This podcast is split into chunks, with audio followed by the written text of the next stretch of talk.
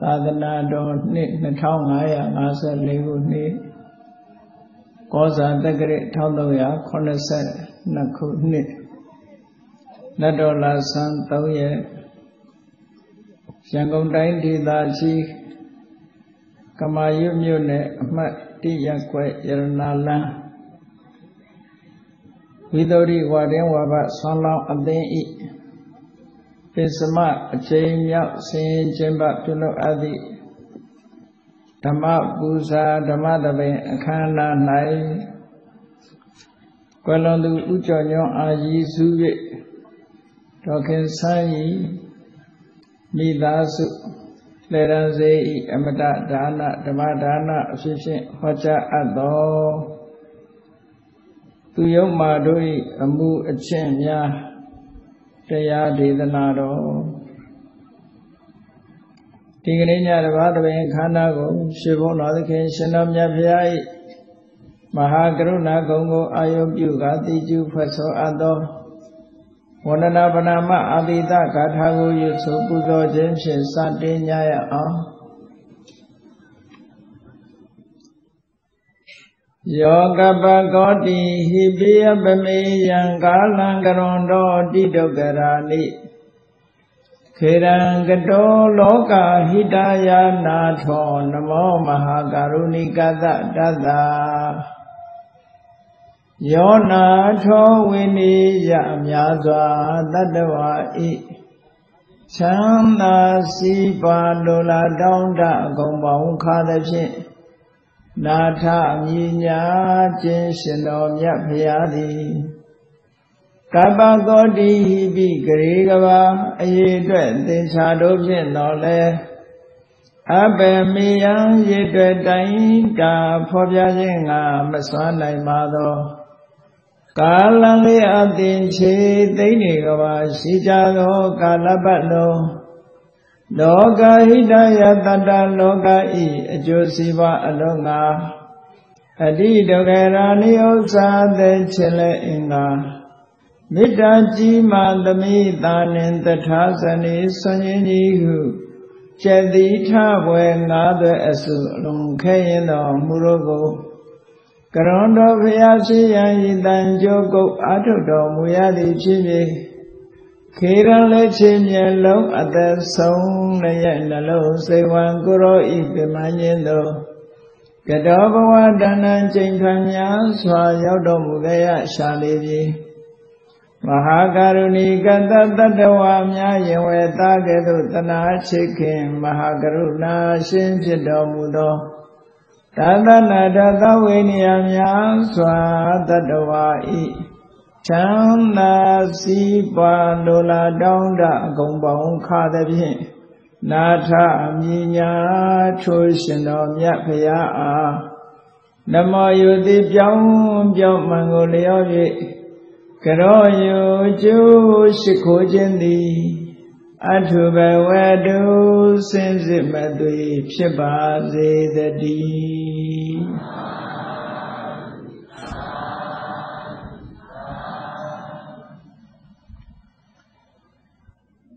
သူယုံမာတို့၏အမှုအကျင့်များဘုရားမြတ်စွာဟောကြားတော်မူခဲ့တဲ့သုတ်တန်ဒေသနာတော်တွေထဲမှာဝတ္တလတုတ်ဆိုတာရှိတယ်အဲ့ဒီတုတ်ကိုဒီကနေ့ဟောပါဝတ္တလဆိုတာရဲ့အတိပ္ပယ်ကသူယုံမာလို့အတိပ္ပယ်ရတယ်ပေါ့စัจจิမဲ့အတိပ္ပယ်နှစ်ခု စကလုံးနှစ်ခုရှိတယ်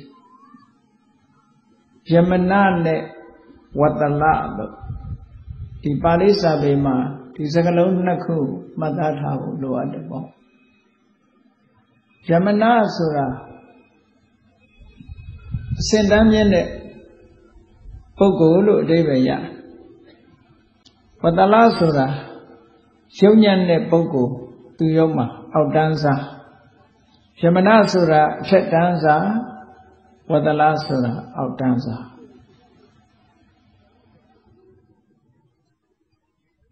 အဲ့ဒါလို့အထက်တန်းစားနဲ့အောက်တန်းစားကို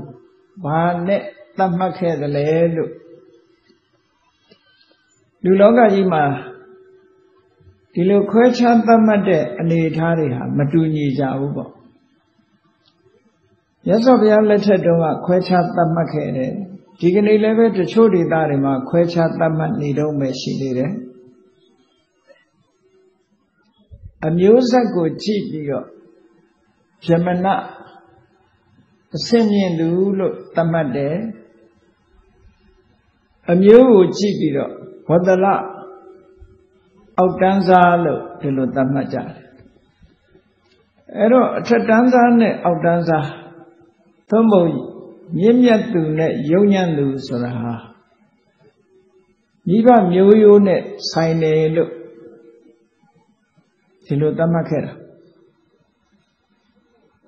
အဲ့ဒီသတ်မှတ်ချက်ဟာအမတမကြီးကျယ်တဲ့သတ်မှတ်ချက်ကြီးတစ်ခု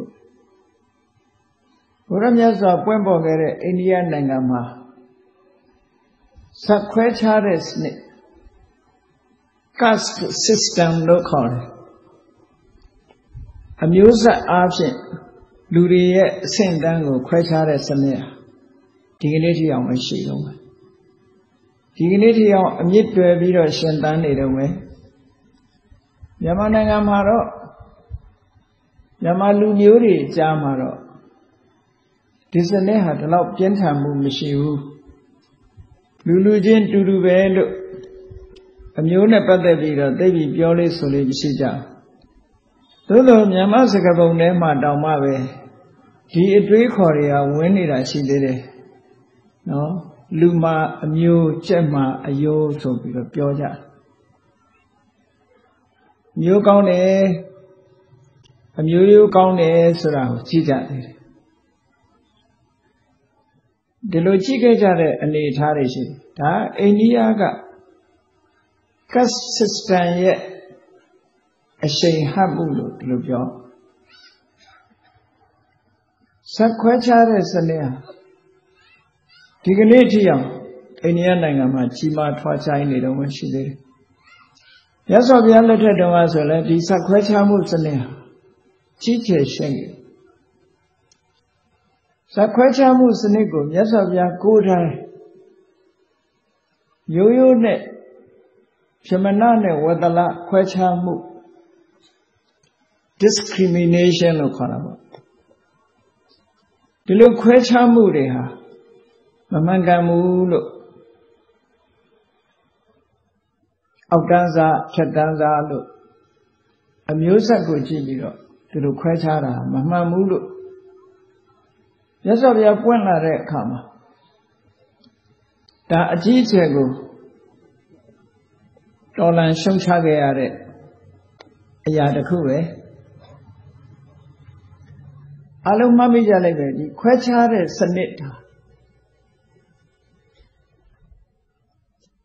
မြန်မာနိုင်ငံမှာဗြိတိရှအုပ်ချုပ်သွားတော့ကဒီထဲမှာပြည်သက်ထဲမှာမှီတဲ့လူရှိတယ်လို့ပဲမမှီတဲ့လူလည်းရှိပါမှီတဲ့လူကတော့နည်းလိမ့်မယ်ပေါ့နော်1885ခုနှစ် မြန်မာတက္ကရာ1885ခုနှစ်မှာမြန်မာနိုင်ငံအထက်ပိုင်းကိုဗြိတိရှအစိုးရကသိမ်းယူပြီးတော့တီဘောမင်းကိုဖမ်းဆီးခေါင်းခေါ်ဆောင်သွားတယ်အိန္ဒိယနိုင်ငံသားကကျရနာဒီပဆိုတဲ့အဲ့ဒီကျွန်းမှာသွားပြီးတော့အကျဉ်းသားဘဝနဲ့ထားအဲ့ဒီနောက်ပိုင်းမှာမြန်မာနိုင်ငံကို ဗြိတိရှလို့ခေါ်တဲ့အင်္ဂလိပ်တွေအုပ်ချုပ်ခဲ့တယ်အဲ့တော့ကမြန်မာလူမျိုးတွေကဗြိတိရှအင်္ဂလိပ်ကိုသူတို့ကဗြိတိရှနိုင်ငံကိုဘိလတ်လို့လည်းခေါ်ကြတယ်ကလပ်ဖြူအစိုးရလို့လည်းခေါ်တယ်ကလပ်ဖြူအစိုးရတော့ကလပ်ဖြူအစိုးရဗမာပြည်မှာအုပ်စိုးခဲ့တဲ့အချိန် ခွဲခြားတဲ့စနစ်တွေပေါ်ပေါက်လာခဲ့ဘူးတဲ့အာလုံးသမိုင်းကြောင်းကိုဖတ်ဖူးတဲ့ပုဂ္ဂိုလ်တွေသို့မဟုတ်ပြီးလိုက်တဲ့ပုဂ္ဂိုလ်တွေဆိုသိကောင်းသိလိမ့်မယ်အင်္ဂလိပ်လိုဘန်ဂလိုလို့ခေါ်တဲ့ဘူတဲတွေမှာဥရောပနိုင်ငံသားများသာတဲရမယ်မြန်မာတွေမတဲရဘူးလို့ဆိုပြီးတော့ခွဲခြားသတ်မှတ်ထားတာရှိတချို့အရက်တွေမှာလည်းပဲ မြန်မာလူမျိုးတွေလာခွင့်မရှိတဲ့အရက်ရှိသူတို့ဥရောပမျက်နှာဖြူလူမျိုးတွေသာလာရမယ်နေရမယ်ဆိုတဲ့အားရှိယာတုနဲ့ပတ်သက်လာလို့ရှိရင်လည်းမြန်မာတိုင်းရင်းသားတွေကိုခွင့်မပေးဘူးသူတို့ဥရောပမျက်နှာဖြူတိုင်းလူမျိုးတွေကိုပဲပေးတယ်ဆိုတဲ့ဒီလို discrimination လို့ဆိုတာအကြီးအကျယ်ပေါ်ပေါက်ခဲ့ဘူးလား။ဘာပြည်မှာလဲ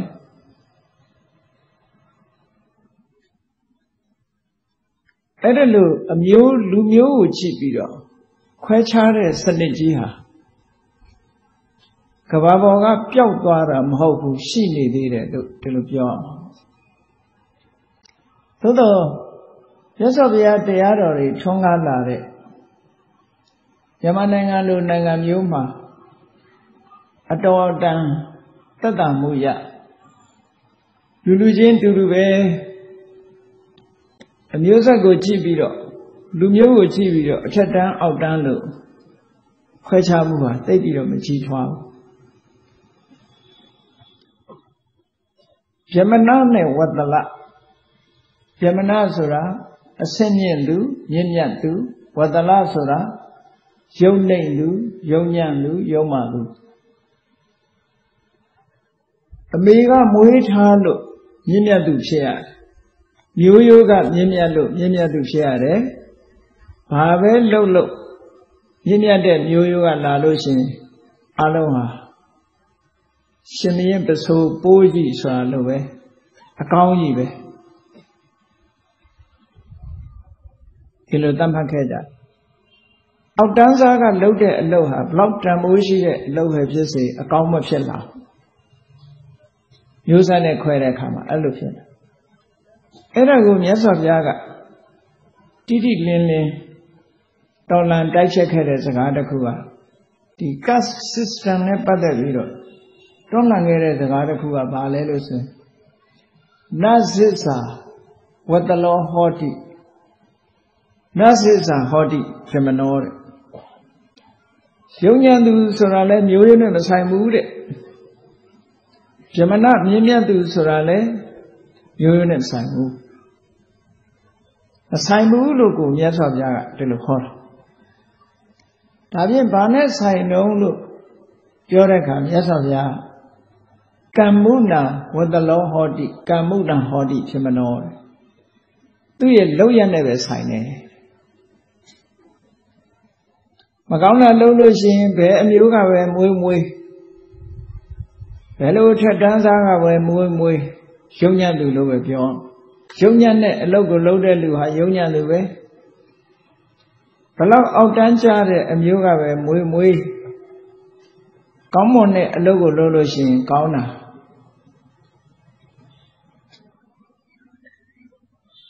ထက်တန်းကြသူလိုပဲသတ်မှတ်ရမယ်လို့ဒီလိုဟောကြားခဲ့တယ်ကမ္မုနာဝတ္တလောဟောတိကမ္မုနာဟောတိဖြစ်မနော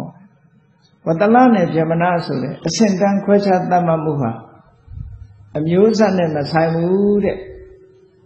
သူ့လောက်ရနဲ့ဆိုင်တယ်မြတ်စွာဘုရားရဲ့ဟောပြောချက်ဟာအင်မတန်မှလက်တွေ့ကြလက်တွေ့ကြတော့လည်းပဲလူတွေကလိုက်နာကျင့်သုံးမှုမပြုနိုင်ကြဘူးကျင့်သုံးမှုမပြုနိုင်ကြဘူးအစွဲလန်းဆိုတာ အစင်အလာတို့အစွဲလန်းတို့ဆိုတာအတော်နဲ့မထောက်ပြနိုင်ကြဒါလူတွေရဲ့သဘာဝပဲ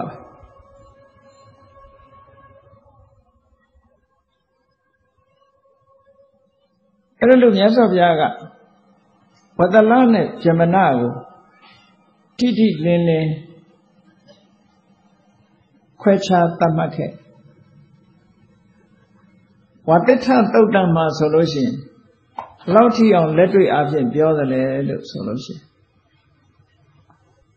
လူရဲ့အမည်နာမတွေကိုခေါ်ဆိုသတ်မှတ်တဲ့အခါမှာတဲ့လောက်ရနဲ့ပဲခေါ်ကြရမယ်ဒါဟုတ်တယ်လက်တွေ့အဖြစ်နဲ့အဲ့ဒါဒီကနေ့ခေတ်မှာလည်းပဲဒီတိုင်းပဲလက်တွေ့ကြည့်မယ်ဆိုရင်တော့အယောင်းဝယ်လုပ်တဲ့လူကိုဂုံတယ်လို့ပဲခေါ်တာပဲ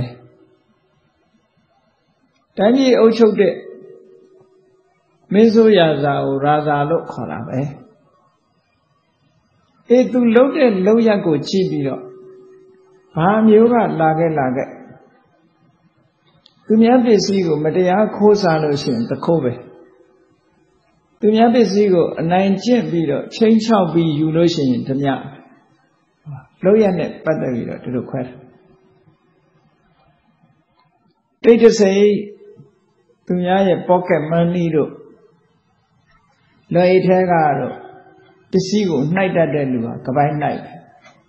ဘယ်လိုမျိုးရိုးကလာလာကပိုင်းနှိုက်ပြီးတော့စားတဲ့လူဟာကပိုင်းနှိုက်ပဲပေါ့စာရေးတဲ့လူကိုစာရေးဆရာသူ့လုံရက်ကိုကြည့်ပြီးတော့ပြောကြတာအဲ့ဒါလို့ပြောတာကတကယ်လက်တွေ့လေကြမြတ်စွာဘုရားဝါတိတသုတ်တံမှာဒီလိုဟောတာ ဒီပြမနာဆိုတဲ့အခေါ်ဝဝဒလဆိုတဲ့အခေါ်ဝမြန်မာလူမြင့်မြတ်သူအောက်တန်းကျသူယုံညံ့သူဆိုတဲ့အခေါ်ဝတွေဟာသူလှုပ်တဲ့လှုပ်ရနဲ့ပဲသက်ဆိုင်တယ်တဲ့အမျိုးအစားနဲ့မဆိုင်ဘူးဆိုအဲ့တော့လူတွေမှာဒါတကယ်မှန်ကန်တဲ့ရှုမြင်သုံးသပ်ချက်ပဲ အကယ်၍အမျိုးအစားနဲ့သာဆိုင်တယ်လို့ဆိုလို့ရှိရင်လူတယောက်ဟာအောက်တန်းကြတဲ့ကအမျိုးကမွေးလာလို့ရှိရင်ဘဝတသက်တာလုံးသူဟာဘာတွေပဲလုပ်နေနေအောက်တန်းကြသူအဖြစ်ကနေရုံမထွက်နိုင်ဘူးပေါ့တက်လန်းဆိုတာမရှိတော့သူ့ဖို့ထက်တန်းဆိုတာဘယ်လိုမှမရောက်နိုင်ဘူး အေးအထက်တန်းစားကမွေးခဲ့တဲ့လူတယောက်ဟာလည်းပဲဒီဘဝတံမှာသူကဘလောက်ဆိုးရတဲ့လူပဲဖြစ်ဖြစ်သူကအမြဲတမ်းအထက်တန်းကပဲနေရမှာဟောအဲ့တော့ဘဝကြီးတစ်ခုလုံးဟာလူတော်လူကောင်းဆိုတာမျိုးရိုးနဲ့ပဲသက်ဆိုင်ပြီးတော့သူ့ရဲ့လောက်ရတဲ့နဲ့သက်ဆိုင်မှုမရှိဘူးဆိုတာတကယ်တော့လက်တွေ့လည်းမကြဘူး မှန်ကန်တဲ့ဆုံးဖြတ်ချက်လည်းမဟုတ်ဘူးလို့အဲ့ဒါကြောင့်မို့လို့လူမအမျိုးလို့ဆိုတာဟာထာဝရမှန်ကန်တဲ့စကားလို့ပြောလို့တော့မရဘူးအမျိုးနဲ့ပတ်သက်ပြီးတော့နှစ်မျိုးခွဲခြားပြီးတော့မှတ်အောင်ဇာတိကုလပုဒ္ဒနဲ့အာစာရကုလပုဒ္ဒဇာတိကုလပုဒ္ဒဆိုတာ မျိုးကောင်းရိုးကောင်းမိဘမျိုးကောင်းရိုးကောင်းကနေပြီးတော့မွေးလာတဲ့ပုဂ္ဂိုလ်မျိုးကိုဇာတိကုလပုဒ္ဒလို့ခေါ်တယ်အဲဒီဇာတိကုလပုဒ္ဒဟာအမြဲတမ်းကုလပုဒ္ဒဖြစ်ရမလားလဲဆိုမျိုးရိုးကောင်းလို့ကုလပုဒ္ဒလို့ခေါ်ရပေမဲ့လို့မဟုတ်တာလို့ရင်တော့ခုနကသူ့ရဲ့လို့ရတိုင်းခေါ်ရမှာပဲခိုးစားရင်တခိုးဓမြတိုက်စားရင်ဓမြ ကပိုင်းနိုင်စားရင်ကပိုင်းနိုင်ဒီလိုပဲခေါ်သူလှုပ်ရှားတဲ့လုပ်ငန်းပေါ်မှာမူတည်ပြီးတော့ခေါ်ရမှာပဲစိုက်ပျိုးစားရင်တောင်သူလည်းတော်ပါဒီလိုပဲခေါ်အာစာရကုလပုဒ္ဒဆိုတဲ့ဒုတိယအမျိုးအစားကြတော့မျိုးရိုးနဲ့မဆိုင်ဘူးသူ့ရဲ့အမူအကျင့်အကျင့်စာရိတ္တနဲ့ဆိုင်တယ်အမူအကျင့်ကောင်းလို့ရှိရင်သူဟာအာစာရကုလပုဒ္ဒပဲ တော့ဘုရားလက်ထက်မှာအာသရကုလဗုဒ္ဓကိုပို့ပြီးတော့တန်မိုးထားတယ်မြတ်စွာဘုရားကိုယ်တိုင်ကိုကဇာတိကုလဗုဒ္ဓဖြစ်ပေမဲ့လို့အာသရကုလဗုဒ္ဓကိုတန်မိုးထားတာဒါကြောင့်မို့သာသနာတော်တွင်မှာဇမ်းမြင့်တဲ့ပုဂ္ဂိုလ်တွေကိုသာဝင်ခွင့်ပြုတာမဟုတ်ဘူးဇမ်းနေတဲ့ပုဂ္ဂိုလ်တွေကိုလည်းဝင်ခွင့်ပြုတယ်နောက်ဆုံးမှာ ဘုရားမြတ်စွာရဲ့သာသနာတော်မှာအကျင့်သီလဟာအဓိကဆိုတာထားတယ်အကျင့်သီလအဓိကထားလို့ဘယ်မျိုးရိုးကလာခဲ့လာခဲ့အကျင့်သီလကောင်းလို့ရှိရင်သူကလူတော်လူကောင်းဖြစ်ခွင့်ရှိတကယ်ကိုအောက်တန်းကျလာတဲ့အမျိုးကတရောင်းစားဘွားကလာတဲ့လူတောင်မှပဲရဟန္တာဖြစ်လို့ရှိရင်တန်ဖိုးရှိတဲ့ပုဂ္ဂိုလ်ဖြစ်တာပဲကောင်းတဲ့အကျင့်ကိုကျင့်လို့ရှိရင် တန်ဖိုးရှိတဲ့ပုဂ္ဂိုလ်ဖြစ်တာဘယ်လိုမျိုးရောကလာလာမြတ်စွာဘုရားကအကျင့်စာရိတ္တကိုအဓိကထားတယ်ဘုရားလက်ထက်မှာသောပါကသာမဏေတို့လိုဏီကယဟန်တို့လိုတကယ့်ကိုအောက်တန်းချပြီးတော့လူရဲ့အလွှာထဲမှာ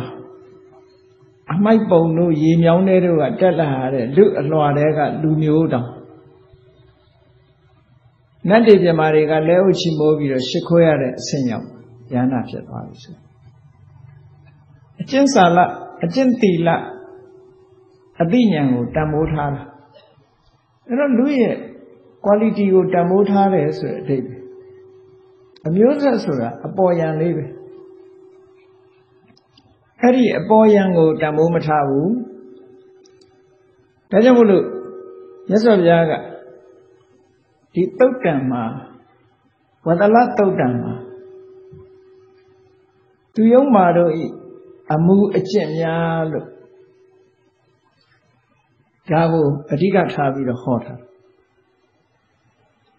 ဒီပုဂ္ဂိုလ်ဟာဗြဟ္မဏလို့ဆိုတဲ့မြင့်မြတ်သူလားဒီပုဂ္ဂိုလ်ဟာသူယုံမာလားလို့ဆိုတာအမျိုးသားနဲ့မဆိုင်ဘူးတဲ့သူ့ရဲ့လောက်ရနဲ့ပဲပြောရမယ်တဲ့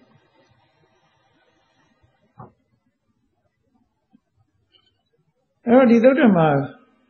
ဂါထာပေါင်း30ကျော်နဲ့မြတ်စွာဘုရားရှင်းလင်းဟောကြားထားတာဒါကြောင့်မို့ဘုန်းကြီးတို့တွေဒီဝတ္တလတုတ်တန်ဆိုတာကိုလေ့လာမှတ်သားပြီးတော့တကယ်စစ်မှန်တဲ့လူတော်လူကောင်းတွေရဲ့အမှတ်သင်္ကေတသူယုံမာတို့ရဲ့ယုံညံ့သူတို့ရဲ့အမှတ်သင်္ကေတတွေကို ခွဲခြားသိမြင်ပြီးတော့ဒီလူအဖြစ်မြင့်မြတ်သူဒီလူအဖြစ်အောက်တန်းကျသူအဆင့်မရှိသူလို့ဒီလိုသိနိုင်တယ်လို့မြတ်စွာဘုရားမှလည်းဒီတုတ်တန်ကိုဟောတာအကြောင်းရှိတယ်ဘုရားကိုယ်တိုင်ခံရတာရှိတ ဘာရဒွါစဆိုတဲ့ပုံနာကြီးတယောက်ကမိပူစောသူတို့ဒါဗြဟ္မဏ်တွေလုံနေကြမိပူစောတယ်ဆိုတာသူတို့ရစ်ပူဇော်ဖို့ထားတဲ့မိမှာထောပတ်တို့ဘာတို့လောင်းထည့်ပြီးတော့ရစ်ပူဇော်မန္တန်တွေပါရွတ်တယ်သူတို့ယုံကြည်ချက်ကထောပတ်ကိုအဲ့ဒီမီးတဲ့ထက်လို့မီးက ထောပတ်ကိုလောင်ပြီးတော့တောက်တဲ့အခါသူတို့လုပ်တဲ့ကုသိုလ်ကောင်းမှုအားသူတို့ကိုးကွယ်တဲ့မြမကြီးစီရောက်တယ်လို့ဒီလိုယူဆတာသူလည်းကောင်းကင်ဘုံလည်းညှိုးထိုးတာပဲเนาะအဲ့ဒီမှာဗြဟ္မာကြီးနဲ့ပေါင်းစုံပြီးတယ်ဒီလိုလှုပ်ခြင်းအဖြစ်ဗြဟ္မာပြည်ရောက်ကြောင်းအချင်းတရားကိုသူကျင့်ရရောက်တယ်လို့ဗြဟ္မာကိုပူဇော်တဲ့အနေနဲ့ မိနတ်ကိုပူဇော်တာပေါ့လေအဲ့ဒီမှာမိနတ်ဆိုတာလဲနတ်တစ်မျိုးပဲလို့ဒီလိုပြောအဲ့တော့အိန္ဒိယမှာရှိတဲ့ကျမ်းတွေကိုကြည့်လိုက်လို့ရှိရင်မိပူဇော်တဲ့လူတွေကမိပေါ်မှာဘယ်လိုရှုမြင်သုံးသပ်ကြလဲလို့ဆိုရင်မိဟာမကောင်းတာတွေအားလုံးကိုလောင်ပြီးတော့ပြစ်တယ် ဒါကြောင့်မို့လို့မိဟာတကိုးကြီးတယ်လို့ဒီလိုယူဆလဲရှိတယ်မိဟာတကိုးကြီးတယ်ဆိုတော့ကောင်းတာတွေလောင်တဲ့အခါကျတော့ဒီမိဟာတော်တော်တန်ဖိုးမရှိတဲ့မိပေါ့ဟိုမင်္ဂလာဈေးတို့လိုဖိုးတန်တာကြီးတွေမီးလောင်သွားလို့ရှိရင်ဒါမိဟာဘယ်သူတော်ကောင်းဖြစ်တော့နော်အမိုက်ကိုမီးရှို့ပြစ်လို့အမိုက်တွေရှင်းသွားရင်တော့ဒါကောင်းတယ်လို့ပြောမှာပေါ့လူအသုံးဆောင်တန်ဖိုးရှိတဲ့လေလောင်သွားလို့ရှိရင်ဒီမီးဟာအဆိုးပဲပေါ့ သို့တော့သူတို့ကတော့အဲ့လိုမဟုတ်ဘူးမီးကိုနတ်အဖြစ်ကိုးကွယ်ပြီးတော့ပူဇော်တယ်အဲ့ဒီမီးနတ်ပူဇော်ခြင်းအဖြစ်ဓမ္မဓမ္မကြီးကိုလည်းပူဇော်ရရောက်တယ်လို့ဆိုပြီးတော့ဘုရားလက်ထက်ကမီးပူဇော်အဲ့ဒီမီးပူဇော်တဲ့ဗြဟ္မဏ်တွေကိုအဋ္ဌိကလို့ခေါ်တယ်မိပူဇော်မိပူဇော်တဲ့နတ်ကွန်းတွေကိုအခိတာလာလို့ဒီလိုခေါ်တာ အဲ့တော့အဲ့ဒီပုံနာကြီးတယောက်ကဗာရဒဝါသဆိုတဲ့ပုံနာကသူကမိပူဇော်အဲ့ဒီကဘာတွေနဲ့ထောပတ်တို့စီဦးတို့ဒီဒါတွေနဲ့ရစ်ပူဇော်ပြီးတော့ပိုတဲ့ဟာကိုသူကဒါနပြုမယ်ပေါ့ဒါနပြုမယ်လို့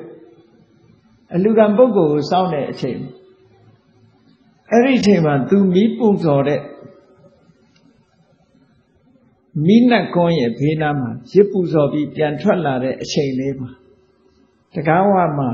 ရောက်ရှိနေသူကဘယ်သူလဲလို့ဆိုရင်ဂေါရမဗုဒ္ဓဂေါရမဗုဒ္ဓဆွမ်းလာရတာပေါ့အကြောင်းရှိလို့ကြွလာတာပဲအဲ့တော့သူကရစ်နဲ့ပူဇော်လို့ပူတဲ့ပစ္စည်းတွေကိုလှူမယ်လို့ထွက်လာပြီမဲ့လို့ဖះကို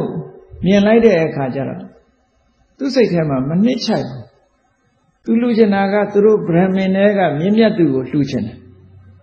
မြတ်စွာဘုရားကိုကြည့်လိုက်တော့ခေါင်းကပြောင်းအောင်ရိတ်ထားတာခေါင်းပြောင်းအောင်ရိတ်တယ်ဆိုပေမဲ့လို့မြတ်စွာဘုရားရဲ့သဘင်ဟာလက်နှစ်သက်ရှိတယ်ပေါ့နော်တောထွက်တုံးကလေးကသံကေတာပယ်လိုက်တာ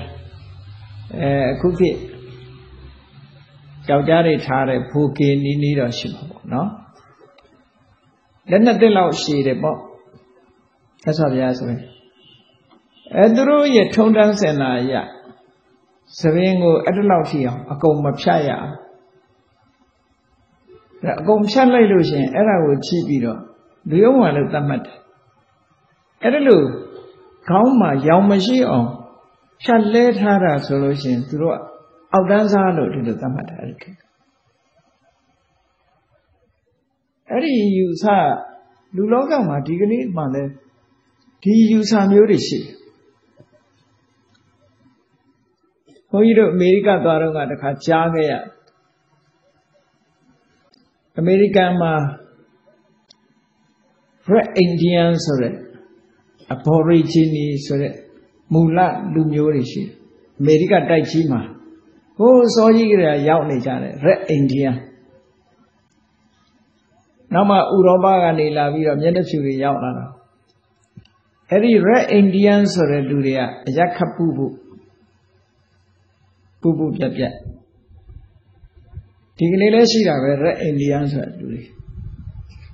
အမေရိကတိုက်ရဲ့ aborigine တွေမူလလူမျိုးတွေပေါ့အဲ့ဒီမူလလူမျိုးတွေကိုအမေရိကန်ဆိုရကနေပြီးတော့အထောက်ပံ့ပေးပြီးတော့နေသက်မှတ်ထားတယ်သူတို့ကို အများကြီးအခွင့်ပေးထားတယ်မူလကျွန်းသူကျွန်းသားတွေဆိုပြီးတော့ခွင့်ရေးပေးထားလာကပေးထားတယ်ကျွေးထားတယ်ပေါ့အဲ့ဒီလူတွေကတော်တော်များများဘာလုပ်မှမလုပ်အရက်ထိုင်တော့အဲ့လူမျိုးတွေကအဲ့လိုပဲနေငယ်ငယ်နဲ့တည်ချရှားဘူးတာပြောငယ်ငယ်နဲ့တည်ချဘာလို့လို့ဆိုရက်တော့တယ်ပျော်ပျော်ပဲနေကြတယ်ဘာလို့မှမလုပ်ဘူး အစိုးရကြွေးတာထိုင်စားအဲ့လိုနေတဲ့လူတွေ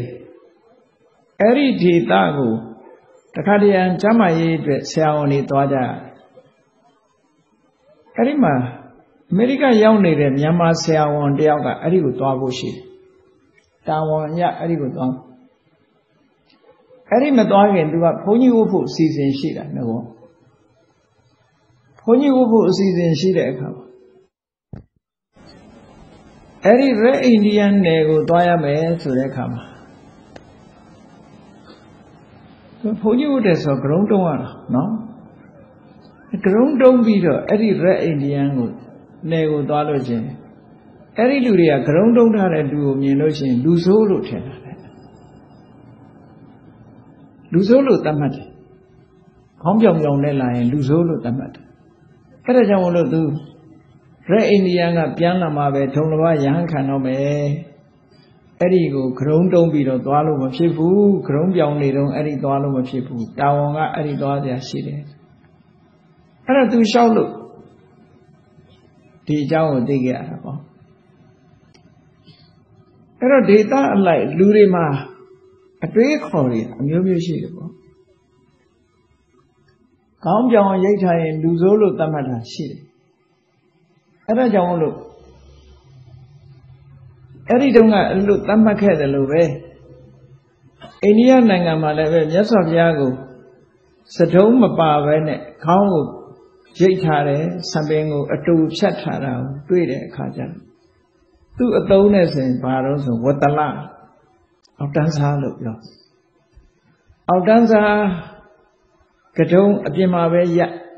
အထဲမလာခဲ့နဲ့လို့ပြောခံ မြတ်စွာဘုရားအဲ့လိုပြောတာနော်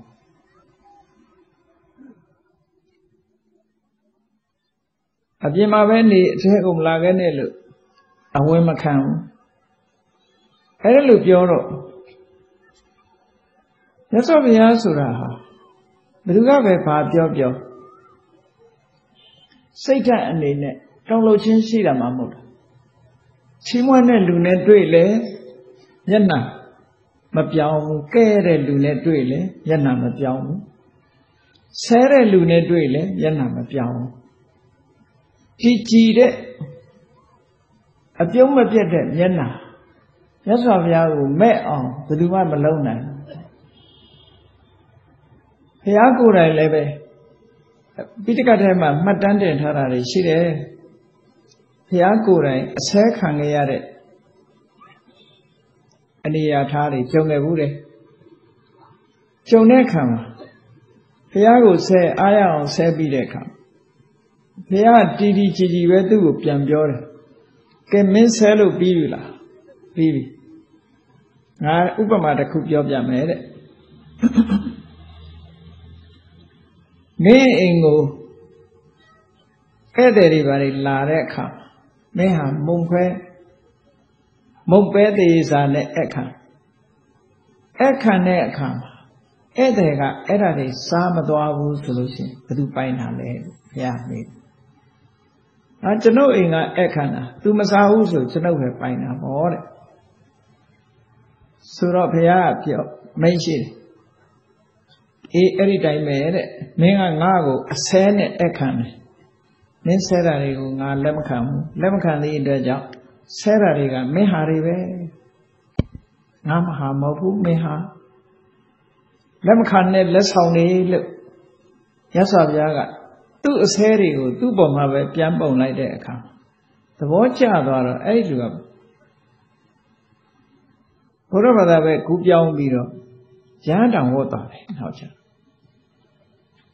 လက်ခံတဲ့လက်ဆောင်ရသော်ဗျာအဲ့ဒီဥပမာနဲ့ရှင်းပြ အဲ့ဒါလိုပဲအခုလဲ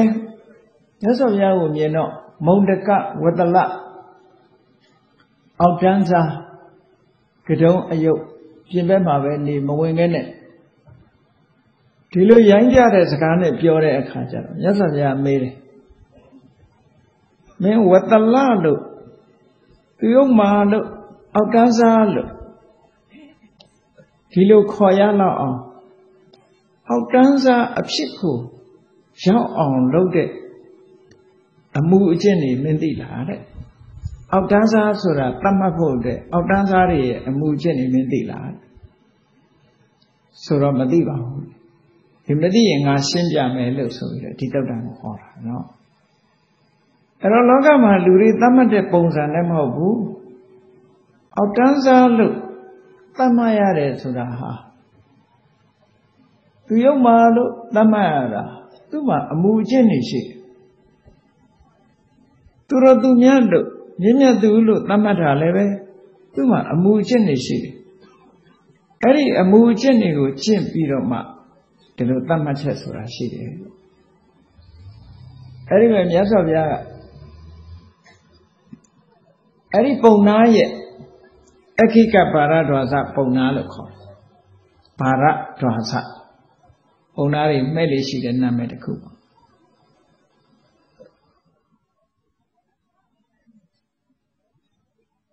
သူ့ကို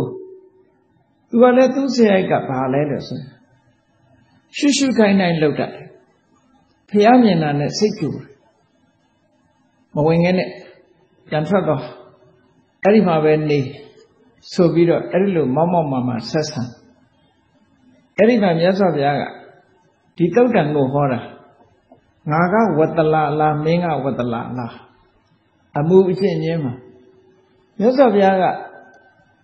အမတန်မှရင်ကျေးတယ်ပိုလိုက်ဖြစ်တယ်သူကရိုင်းဆိုင်တယ်သူကသူဇာမြင့်ဆိုပြီးတော့ရိုင်းဆိုင်တဲ့စကားလုံးတွေကိုတုံးတယ်လေဝတ္တလအောက်တန်းစားဒီယုံမှာမုံနကကတုံးအယုတ်နဲ့အဲ့တော့သူက မောက်မောက်မာမာနဲ့ပြောတာမြတ်စွာဘုရားကသူမောက်မောက်မာမာပြောပြီမဲ့လို့မျက်နှာအမူအရာဘာမှမပြောင်းလဲပဲနဲ့မြေကြီးကမြေကြီးနဲ့အလားတရံတူတဲ့စိတ်ဓာတ်မြေကြီးနဲ့အလားတရံတူတဲ့စိတ်ဓာတ်ဆိုတာမြေကြီးဟာမြေကြီးပေါ်မှာကောင်းတာတွေချလို့လဲအပြုံးမှု မစင်မြေကြီးတွေချလို့လဲမြေကြီးကမမဲ့ဘူးနှာခေါင်းမရှုံဘူးပေါ့ဆိုလိုတာကမြေကြီးဟာပထဝီသမစိတ်ဆိုလူရဲ့စိတ်ဟာအဲ့ဒါလို့အဆိုးနဲ့အကောင်ကြုံတွေ့တဲ့အခါမှာဘယ်လိုမှပြောင်းလဲချက်မရှိတာမြေကြီးနဲ့အလားတန်တူတယ်လို့ဒီလိုပြော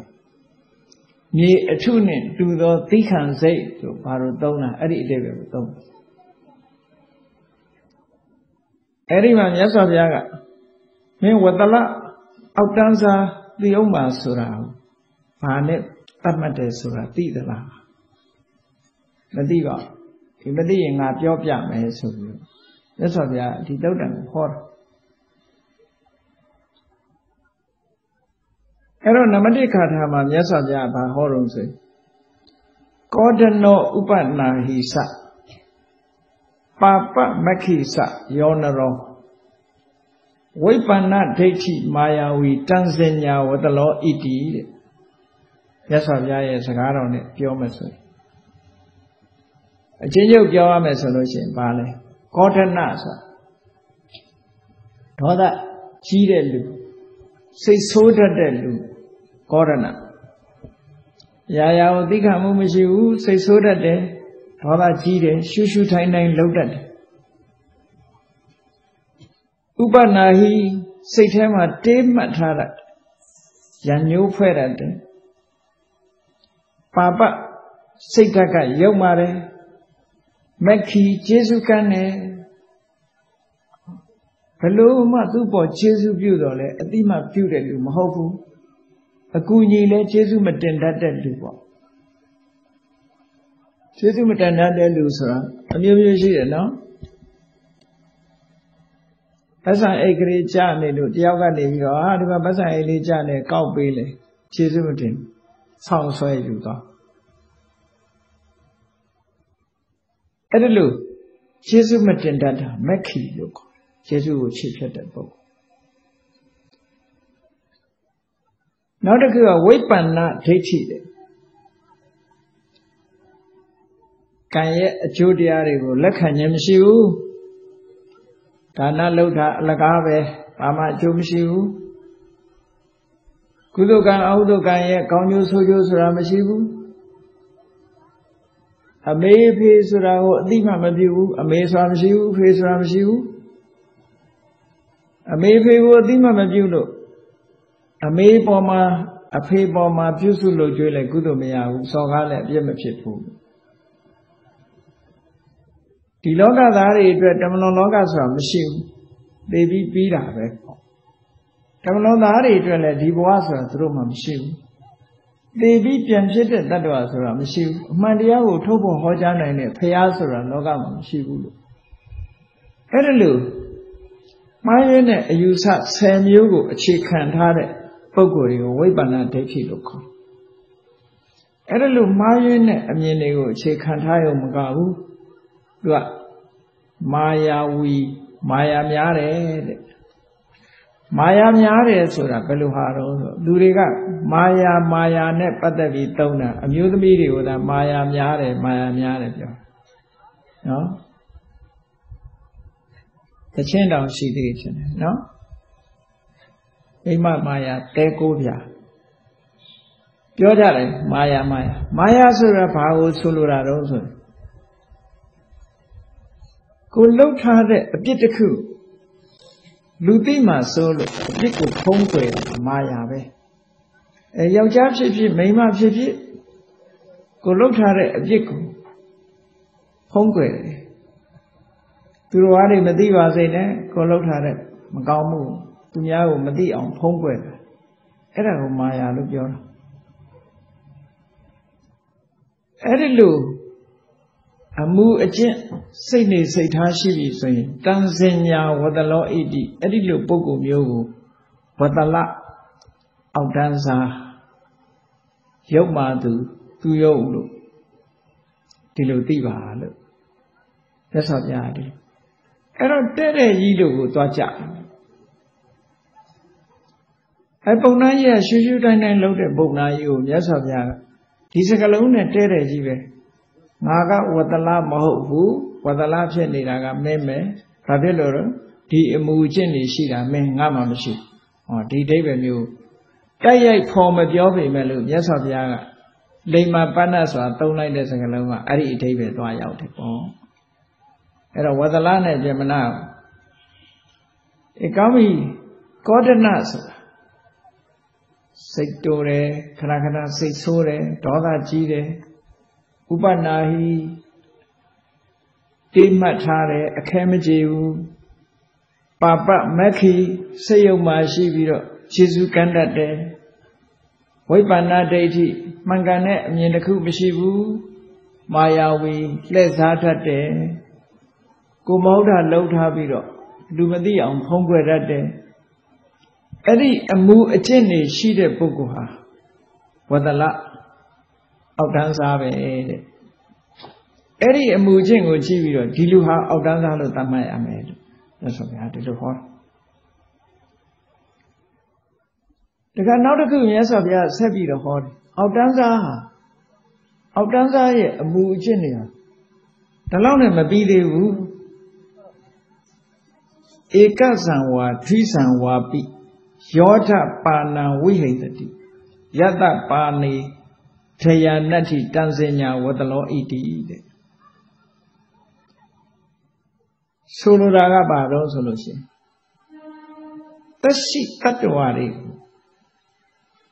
ညှင်းဆဲတတ်တယ်တပ်ဖြတ်တတ်တယ်တတ္တဝါတွေကိုညှင်းဆဲတယ်တပ်ဖြတ်တယ်တတ္တဝါတွေပေါ်မှာအကျဉ်းနာတရားကင်းမဲ့တယ်ဆိုရင်အဲ့ဒီပုဂ္ဂိုလ်ဟာဝတ္တရပဲအောက်တန်းစားပဲယုံညံသူယုံမှသူပဲ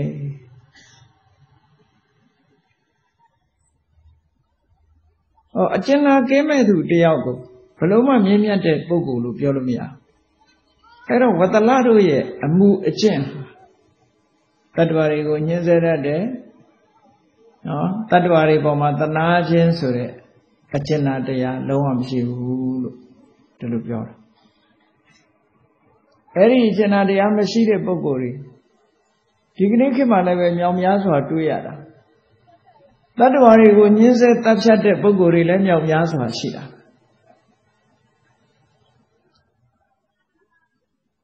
ဒီကနေ့ခေတ်မှာဒီဟိုတော်တော်ရဲရဲဆက်ဆက်တတ္တဝါတွေတပ်ဖြတ်ညှင်းဆဲမှုတွေကရှိတယ်ဥပမာပဲချက်တွေဆိုရင်ဇောက်ထိုးဆွဲပြီးတော့ကျိုးနဲ့ အောက်ကမီးဖို့ထားတဲ့ပုံမှာအရှင်လက်လက်မီးပုံမှာဖြတ်သွားတာတို့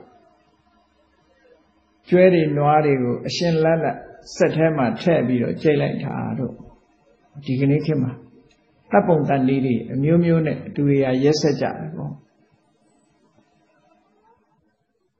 အဲ့လိုရက်ဆက်ထားတယ်မကဘူးနော်ဒီကနေ့ခေတ်မှာလက်ညှိုးထိုးတတ္တဝါတွေလည်းပါနေ လူတွေကအစာစားတဲ့အခါမှာဟိုတယ်တို့ဘာလို့သွားလာလို့ရှင်ဟင်းမာလို့ရှင်အကောင်အရှင်ကိုလက်ညှိုးထိုးတယ်ဒီအကောင်စားခြင်းနဲ့ဆိုအကောင်အရှင်တွေကိုလက်ညှိုးထိုးပြီးတော့ပေးအဲ့ဒါကိုချက်ပြုတ်ပေး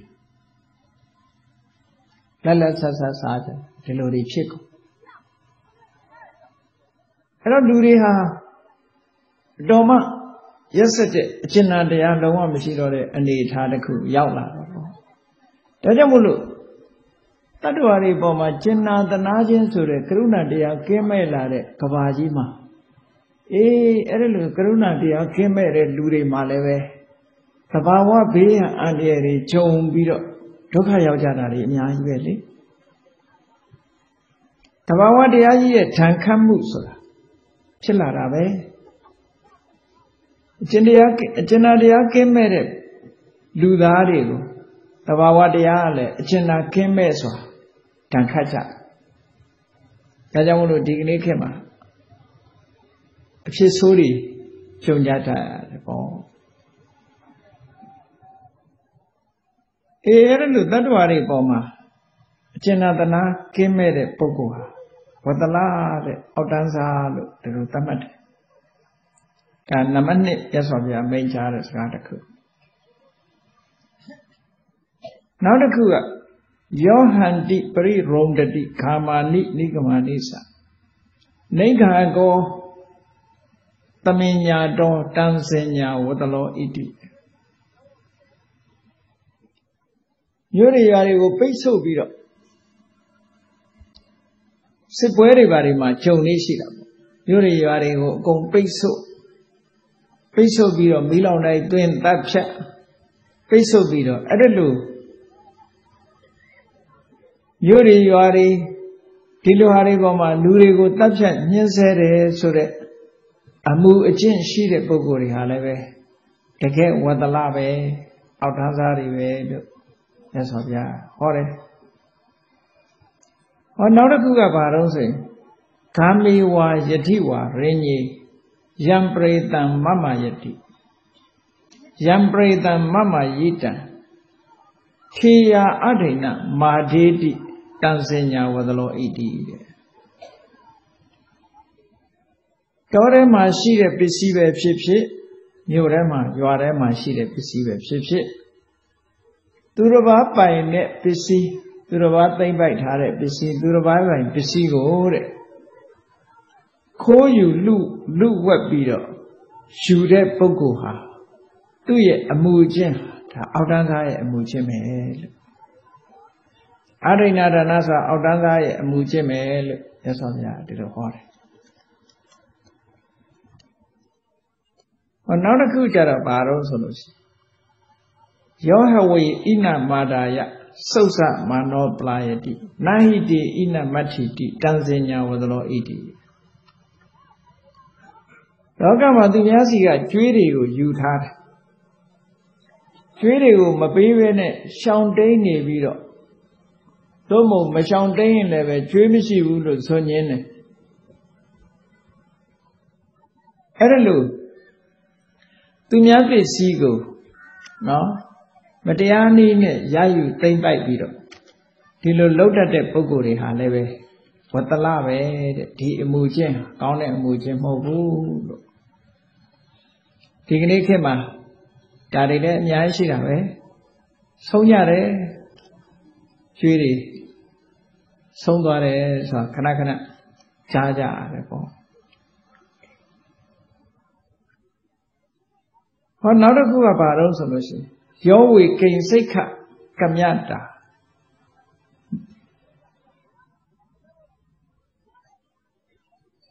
ပန္တတမိန်ဝဆန္တံသန ဟန္တဝါကိဉ္စိတ်ခမာဒေတိတံစင်ညာဝတလောဣတိလူတယောက်ကိုသူ့စီပါသူပိုင်တဲ့ပစ္စည်းတစ်ခုခုအလိုရှိလို့လမ်းကနေစောင့်ပြီးတော့လူရဲ့တိုက်ခိုက်တပ်ဖြတ်ပြီးတော့ပစ္စည်းကိုယူသွားတာအေးဒီကနေ့ခေတ်မှုခင်းနေတယ်လေဒါမျိုးကမကြားမကြားခြင်းအဆုံး နော်လမ်းကနေစောင့်ပြီးတော့တိုက်ခိုက်လူယူမှုဆိုတာအဲ့ဒါလို့လုံးလို့ရှိရင်လည်းပဲတဲ့ဒါအောက်တန်းစားပဲဒီလိုမျိုးဆော်ပြဟောတယ်။ဟောနောက်တစ်ခုကအတ္တဟေတုပရဟေတုဓနဟေတုစယောနရောတခိပုတ်တော်မူတာဖြူတိတန်းစင်ညာဝသလောအိဋ္ဌိ ရုံးတက်ပြီးတော့တက်သိအနေနဲ့ထားပြီးတော့မေးတဲ့အခါမှာတဲ့ကိုရေးကိုယ်တာကိစ္စကြောင့်ဖြစ်စေနော်အတ္တဟေတုဆိုတာကိုရေးကိုယ်တာကိစ္စကြောင့်ဖြစ်စေပရဟေတုသူတစ်ပါးရဲ့အရေးကိစ္စကြောင့်ဖြစ်စေဒဏဟေတုငွေကြေးဒဏဥစ္စာရလို့ပဲဖြစ်စေရုပ်ပြင်ကနာမှာတသက်ထားပြီးတော့မေးတဲ့အခါမှာ မမှန်မကန်ထွက်ဆိုပြောကြလို့ရှင်အဲ့ဒီပုဂ္ဂိုလ်ဟာဝဒလပဲအောက်တန်းသားပဲသူ့ရဲ့အမှုချင်းအောက်တန်းသားဒီလိုမြတ်စွာဘုရားဟောတယ်နောက်တစ်ခုကယောညာတိနံသခိနံဝါဓာရိတုပฏิဒိဋ္ဌတိသာဟတာတံပိယေနဝတံစညာဝတလောဣတိတဲ့ဒါက ခုချင်းတရားနဲ့ပတ်သက်လာခုချင်းတရားနဲ့ပတ်သက်လာလူတွေမှာလူမှုရေးဖောက်ပြန်တယ်ဆိုတာရှိတယ်ရှိတတ်တယ်ဆွေတဲ့မျိုးထဲမှာပဲဖြစ်စေကိုယ်နဲ့အမျိုးမကင်းတဲ့တဏှိနိယဖြင့်ဆက်သွယ်နေတဲ့ပုဂ္ဂိုလ်မှာပဲဖြစ်စေသူတစ်ပါးသားမယားနဲ့ပတ်သက်ပြီးတော့သဘောတူလို့ပဲဖြစ်ဖြစ် အနိုင်အထက်ချင်းချောက်ပြီးတော့လှုပ်တာပဲဖြစ်ဖြစ်မတရားမှုကာမနဲ့ပတ်သက်တဲ့မတရားမှုကိုပြုလို့ရှိရင်အဲ့ဒီပုဂ္ဂိုလ်ဟာဝတ္တလပဲလို့မြတ်စွာဘုရားဒီတုတ်တာမှာဒီလိုခေါ်တယ်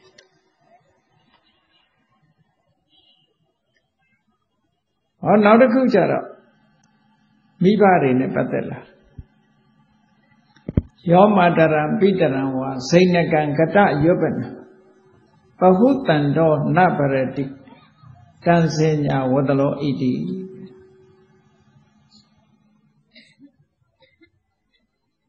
လောကမှာရှင်းစုရှိတဲ့ပုဂ္ဂိုလ်ကိုစဉ်းစားကြည့်လိုက်လူလောကရောက်လာတဲ့အခါမှာကိုယ်ပထမဆုံးကျေးဇူးပြုတဲ့သူကမိဘအမေနဲ့အဖေက ကိုယ့်ကိုကျေးဇူးပြုဆောင်းလျှောက်ခဲ့လို့ကိုဟာလူဘဝရောက်လာအဲ့ဒါလို့ကိုယ့်ပေါ်မှာကျေးဇူးရှိခဲ့တဲ့မိဘနောက်ကြတော့မိဘတွေဟာအသက်အရွယ်ကြီးလို့အိုမင်းမစွမ်းရှိလာပြီဆိုလို့ရှိရင်တချို့သားသမီးတွေကပြစ်ထားကြတယ်မိဘကိုဝိမဆိုင်ဘူးပြစ်ထားကြတယ် ပဟုတံတော်နပရတိတလည်းတတ်နိုင်တယ်ဒီဥစ္စာလည်းရှိတယ်သို့သောမိဘကိုမပြုစုကြဘူးတဲ့ပြစ်ထားကြတယ်ကဘာနဲ့ခြီးပြီးတော့ခြိလိုက်မယ်ဆိုလို့ရှိရင်အဲ့လိုပြစ်ထားတာတွေအလွန်များလားခုပြစ်ထားတာတွေအလွန်များလားတချို့ရက်တွေဆိုအမေအိုးအဖေအိုးတွေကိုတောထဲသွားပြစ်ထားလိုက် တချို့လူမျိုးတွေထဲမှာရှိမပြုစုယုံနဲ့မကအောင်တောထဲမှာသွားပြစ်ထားလိုက်ပြန်မလာနိုင်အောင်လုပ်ပြီးတော်ပို့ပလိုက်တာ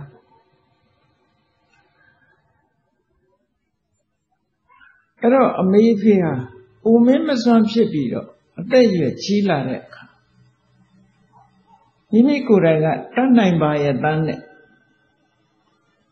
ဒီမိဘကိုပြုစုလုပ်ကျွေးမှုမပြုဘူးဆိုတဲ့ပုဂ္ဂိုလ်ဟာ ဒါဟာတကယ့်ကိုဝဒလာပဲလို့မြတ်စွာဘုရားဒီလိုဟောတယ်တန်စင်ညာဝဒလောဣတိအဲ့တော့ဒါနဲ့ပတ်သက်လာလို့ရှိရင်မြတ်စွာဘုရားလက်ထက်တုန်းကအမတမဒုက္ခရောက်ရှာတဲ့အဖိုးကြီးတယောက်အကြောင်းအလုံးတော့ကြားဘူးကြလိမ့်မယ်အဲ့ဒီအဖိုးကြီးက သူပတ်စံငွေ၈သိန်းရှိတယ်ပေါ့သူတို့ခေတ်ကပတ်စံငွေ၈သိန်းရှိတယ်သားသမီး၄ယောက်ထွန်းကားတယ်အဲ့တော့သား၄ယောက်ကိုသားသမီးတွေကိုသူကတယောက်တသိန်းစီပေးပြီးတော့အိမ်တော်ရဲ့သားချပေးလိုက်တော့သူ့မှာ၄သိန်းကျန်သေးတယ်ပေါ့တယောက်တသိန်းစီပေးပြီးတော့အဲ့တော့အိမ်တော်ရဲ့သားချပြီးတော့ခွဲပေးလိုက်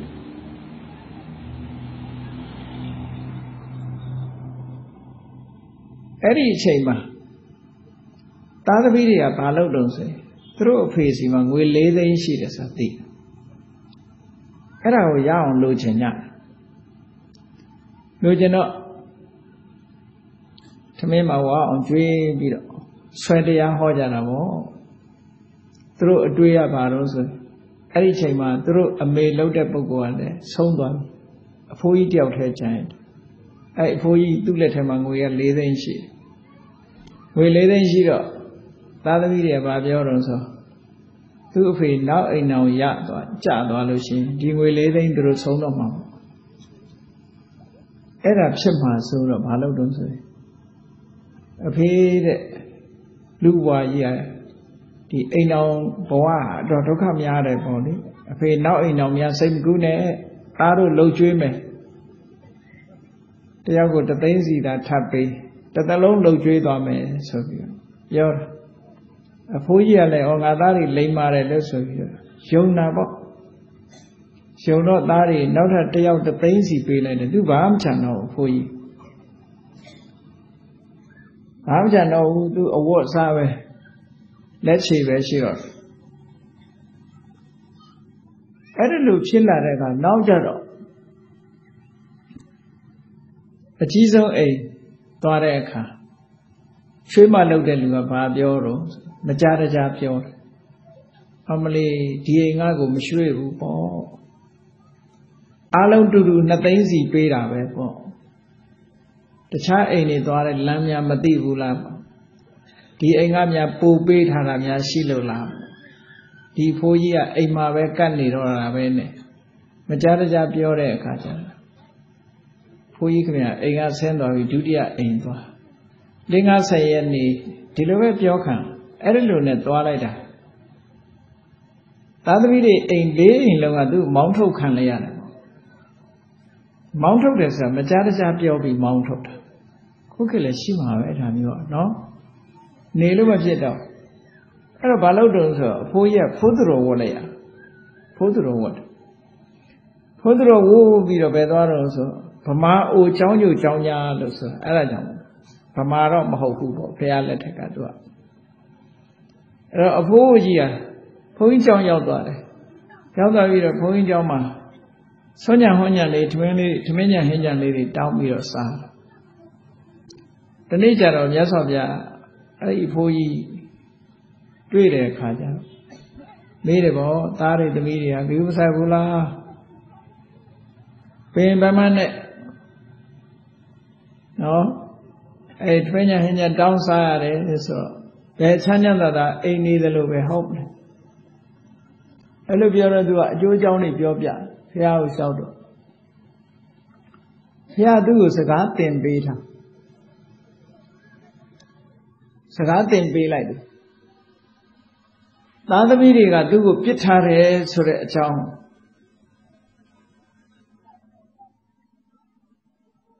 စကားသင်ပေးလူကြားထဲမှာပြောစကားကိုသင်ပေးလိုက်မြတ်စွာဘုရားအဲ့တော့ねဒီနေ့ကျတော့သူတို့အစည်းအဝေးတစ်ခုလုပ်တယ်အစည်းအဝေးတစ်ခါလုပ်တော့အပုံနာကြီးကအဲ့ဒီအစည်းအဝေးမှာသွားတယ်သွားပြီးတော့သူကဗာပြောတော့ဆိုကျွန်ုပ်စကားလေးတစ်ခုပြောပြရစေစကားလေးတစ်ခုပြောပြရစေဒီအစည်းအဝေးမှာ သူစကားတစ်ခုပြောခွင့်ပြုပါလို့ဆိုကပြောပါပြောပါပေါ့ပုံနာကြီးဗာပြောချင်တာတော့လို့အစည်းအဝေးပြောတဲ့အခါသူပြောတဲ့စကားကဘာတော့ဆိုလို့ရှိရင်သူတို့မွေးလာတော့ကတဲ့ကျွန်ုပ်ဟာအဲ့ဒီသားကလေးတွေသမီးလေးတွေမွေးလာတော့ကစိတ်ထဲမှာပျော်လဲရတာတဲ့ သူတို့ရဲ့ကြီးပွားတိုးတက်မှုကိုလည်းအမျိုးမျိုးရှားကြံခဲ့ရပါတယ်တဲ့အဲ့ဒီသားတွေဟာသူတို့ဇနီးတွေနဲ့တိုင်ပင်ပြီးတော့အခုကျတော့ခွေးတွေကဝက်အိုကြီးကိုဟောင်ပြီးတော့ထုတ်လိုက်တယ်လို့ကျွန်ုပ်ကိုအဲ့ဒါလို့ဟောင်ထုတ်ခံရပါတယ်တဲ့သူပြောတဲ့စကားမျိုးနော်သူတော်ကောင်းစိတ်မရှိတဲ့ လူယုံမှာသားတွေဟာကျွန်ုပ်ကိုအဖေအဖေနဲ့ခေါ်ပြီးမဲ့လို့တကယ်တော့သူတို့ဟာသားရောင်ဆောင်းနေတဲ့ဘလူးတပက်တွေသာဖြစ်ပါတယ်တဲ့အရွယ်အိုသွားတဲ့အဖိုးအိုကြီးကျွန်ုပ်ကိုစွန့်ပစ်ထားကြပါတယ်ဘာနဲ့အလားတရံတူတုံးလို့ဆိုလို့ရှိရင် မြင်းနှကောင်ဟာခိုင်းစားရတုန်းကတော့ကျွေးမွေးဆောင်းလျှောက်ထားတော့လေအခုမြင်းအိုကြီးကိုစခွက်ကနေပြီးတော့မောင်းထုတ်လိုက်တယ်လို့ပဲတဲ့သားတွေရဲ့အဖေအိုကြီးဟာလည်းအခုချိန်မှာသူများအိမ်မှာပဲသွားတောင်းစားနေရမှာတော့တယ်အိမ်နေမှာသူမစားတော့ပါဘူးတဲ့ဖះတင်ပေးလိုက်တဲ့စကလုံးလေးတွေသူ ကျွန်ုပ်အဖို့တဲ့ဟောဒီတောင်ဝှေးကသာအကောင်းဆုံးဖြစ်ပါတယ်မလိမ္မာတဲ့သားတွေစကားနားမထောင်တဲ့သားတွေဘလို့မှတန်ဖိုးမရှိဘူးတဲ့ဟောကျွန်ုပ်လက်ထဲပါတဲ့ဟောဒီတောင်ဝှေးလေးကနွားလာလဲမောင်းလို့ရတယ်တဲ့စန္ဒန်နဲ့ခွေးနဲ့တွေ့လည်းပဲ6ရတယ်တဲ့ အမှောင်ထဲမှာဆိုလို့ရှိရင်လည်းတောင်ဝှေးလေးနဲ့စမ်းသွားလို့ရတယ်တဲ့ခြိုက်တွေချင်းတွေရှိလို့ရှိရင်လည်းတောင်ဝှေးလေးနဲ့စမ်းသွားလို့ရတယ်တဲ့မတော်တဆလဲသွားတောင်မှဟောဒီတောင်ဝေးလေးနဲ့ပြန်ပြီးတော့ထားလို့ရပါတယ်အဲ့တော့တောင်ဝေးလောက်မှတန်ဖိုးမရှိတဲ့သားတွေပါလို့ကျွန်ုပ်မှာသားတွေရှိရတဲ့နဲ့တောင်ဝေးလောက်မှအာမကိုရပါဘူးလို့လူချားထဲမှာပြောတာသူက အဲ့လိုပြောလိုက်တဲ့အခါကျတော့အဲ့ဒီခေတ်ကသူတို့ဂတိကဝတ်လောက်ထတာရှိတယ်အဲ့ဒီရွာအဲ့ဒီအဖွဲ့အစည်းတစ်ခုမှာမိဘရဲ့ပစ္စည်းကိုစားပြီးတော့အမေအိုဖေအိုတွေကိုမပြုစုဘဲနဲ့ပြစ်ထားလို့ရှင်သေရန်ပေးမယ်သေရန်ပေးရမယ်လို့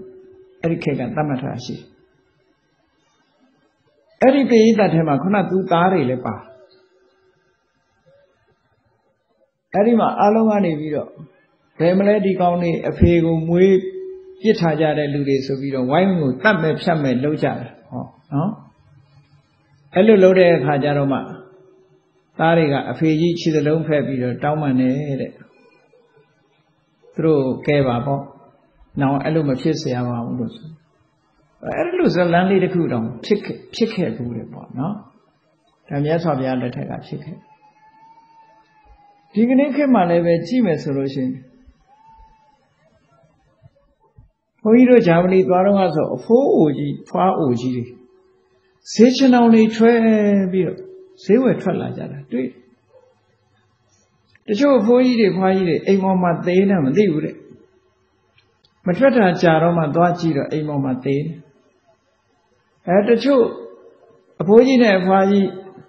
အဖိုးကြီးကအရင်သေးသွားတာရှိတယ်အဖွားကြီးကအရင်သေးသွားတာရှိတယ်အဲ့ဒီလိုတယောက်တည်းရှိပြီဆိုရင်ခွေးလေးတစ်ကောင်မွေးထားအဲ့ဒီခွေးကလေးအဖို့ပြုတ်ပြီးတော့ဈေးသွားကြတာတုံချိတုံချိနဲ့သွားနေတာတွေကိုတွေ့ကြဘူး။အော်သူတို့ဘဝတွေအသက်အရွယ်ကြီးလာပြီဆိုလို့ရှိရင်ဒုက္ခရောက်ကြတယ်လို့အဲ့ဒီလူတွေဒါတွေဟာလူလောကမှာအမတန်မှ ငယ်ရွယ်တဲ့ပုံကိုယ်တွေမှာတာဝန်ရှိတယ်လို့မြတ်စွာဘုရားကဒီလိုခေါ်တာနော်ယောမာတရံပိတရံဝါစိဏကံကတယောပနံပဟုတံတော့နပရတိကံစင်ညာဝတလောဣတိမိဘတွေကိုတဲ့အသက်အရွယ်ကြီးအိုမင်းမစွမ်းဖြစ်နေတဲ့အခါမှာတဏှာရဲ့တန်းနဲ့ပြုစုလုပ်ကျွေးမှုမပြုဘူးဆိုရင်အဲ့ဒီလူဟာတကယ်ပဲအောက်တန်းစားပဲလူညံ့မယ်လူယုံမှာပဲလို့ ဒီလိုခေါ်တာဟောနောက်တစ်ခုကျတော့ယောမတရံပိတရံဝါဘာတရံပတိနေတတ်တုံဟန္တိရောတိတိဝါစာယတန်စညာဝဒလောဣတိ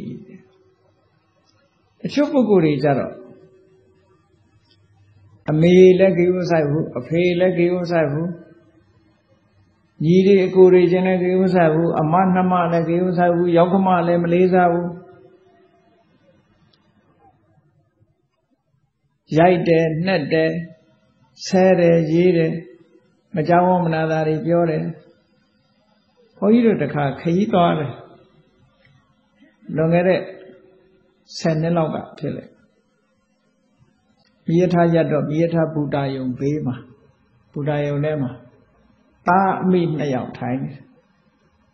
အမေလှုပ်တဲ့လူနဲ့သမီးလှုပ်တဲ့လူ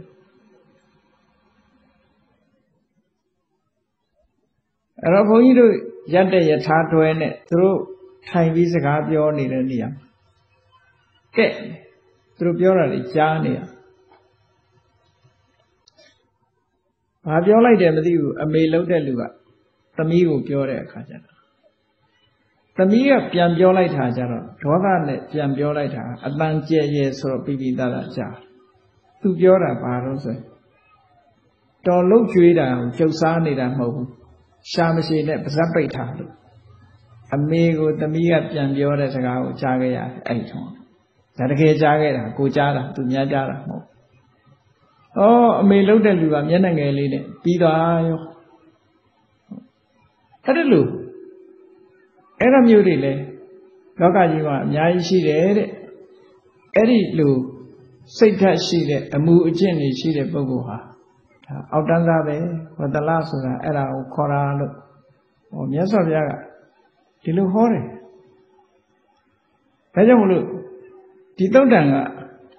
ခါရပုတ်ပေါင်း20ကျော်ရှိသည့်အတွက်ကြောင့်ဒီနေ့တည်းရထဲတော့ပြီးအောင်ဟောလို့တော့မရဘူးပေါ့နော်။လက်ပြင်ကဆက်ပြီးတော့ဟောပါအဲ့ဒါကြောင့်မလို့အခုအားလုံးပြန်ပြီးတော့ခြုံကြည့်လိုက်မယ်ဆိုလို့ရှိရင်ဒီယုံမာတို့ရဲ့အမှုအကျင့်များဆိုတာ အဲတဘာဝကယုံမာလာတာမဟုတ်ဘူးအမှုအကျင့်ကိုကြည့်ပြီးတော့လူတွေဟာယုံမာတယ်မယုံမာဘူးသို့မဟုတ်အစင်တန်းရှိတယ်မရှိဘူးဆိုတာဆုံးဖြတ်ကြရတယ်အဲ့တော့ဘုန်းကြီးတို့တွေဒီမြတ်စွာဘုရားဟောကြားတော်မူခဲ့တဲ့ဒီဝဇလတုတ်တံမှာဟောထားတဲ့အချက်တွေကိုကြည့်တို့တွေဟာဝဒလခေါ်တဲ့အောက်တန်းကျတဲ့ပုဂ္ဂိုလ်မျိုးတွေအောက်တန်းကျတဲ့အလုပ်တွေအောက်တန်းကျတဲ့စိတ်ဓာတ်တွေမမွေးမှ တို့တွေဟာအောက်တန်းကျတဲ့ပုဂ္ဂိုလ်တွေမဖြစ်မဖြစ်ရမှာအဲဒါကြောင့်မို့လို့မြင့်မြတ်တဲ့ပုဂ္ဂိုလ်ဖြစ်ဖို့ရအတွက်မြင့်မြတ်တဲ့အတွေးခေါ်တယ်အခုပြောခဲ့တဲ့အောက်တန်းကျတဲ့အပြုအမူတွေကရှောင်လိုက်မယ်ဆိုလို့ရှိရင်ဟောစိတ်တူတာဒေါသကြီးတာမလုပ်ဘူး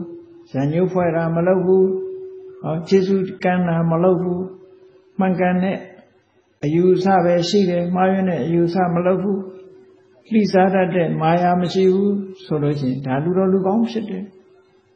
တတ္တဝါတွေပေါ်မှာအကျဉ်းနာတရားရှိတယ်ညှင်းဆဲတတ်ချက်မှုမလုပ်ဘူးအလုံးဒုက္ခရောက်တဲ့အလုံးမျိုးတွေကိုမလုပ်ဘူးသူတော်ဘာပစ္စည်းနဲ့ပတ်သက်ပြီးတော့မတရားယူတာမျိုးတွေမလုပ်ဘူး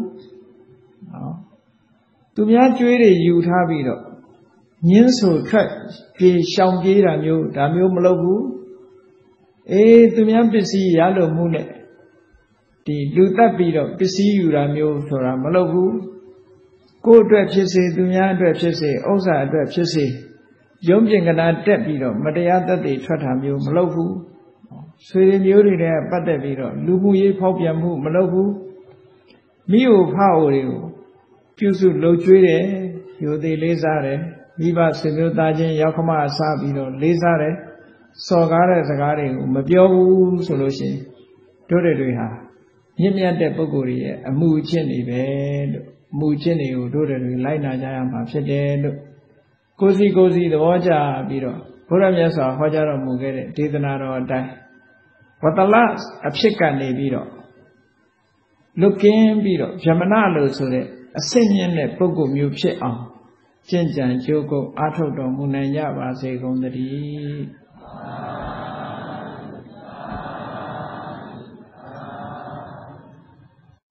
သာသနာတော်နှစ်2554ခုနှစ်ကောဇာတက္က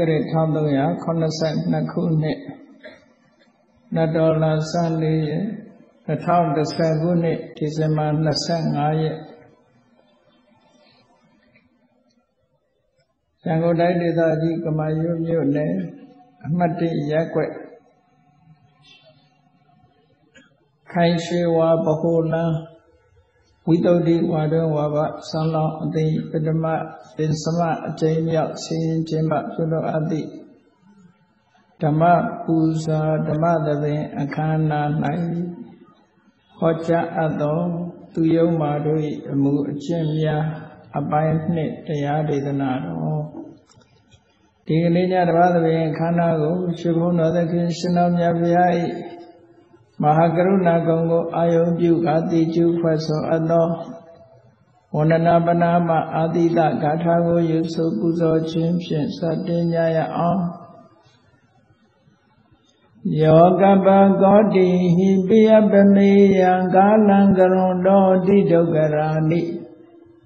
ခေရံကတောလောကဟိတယာနာထောနမောမဟာကာရုဏိကတတတ္တ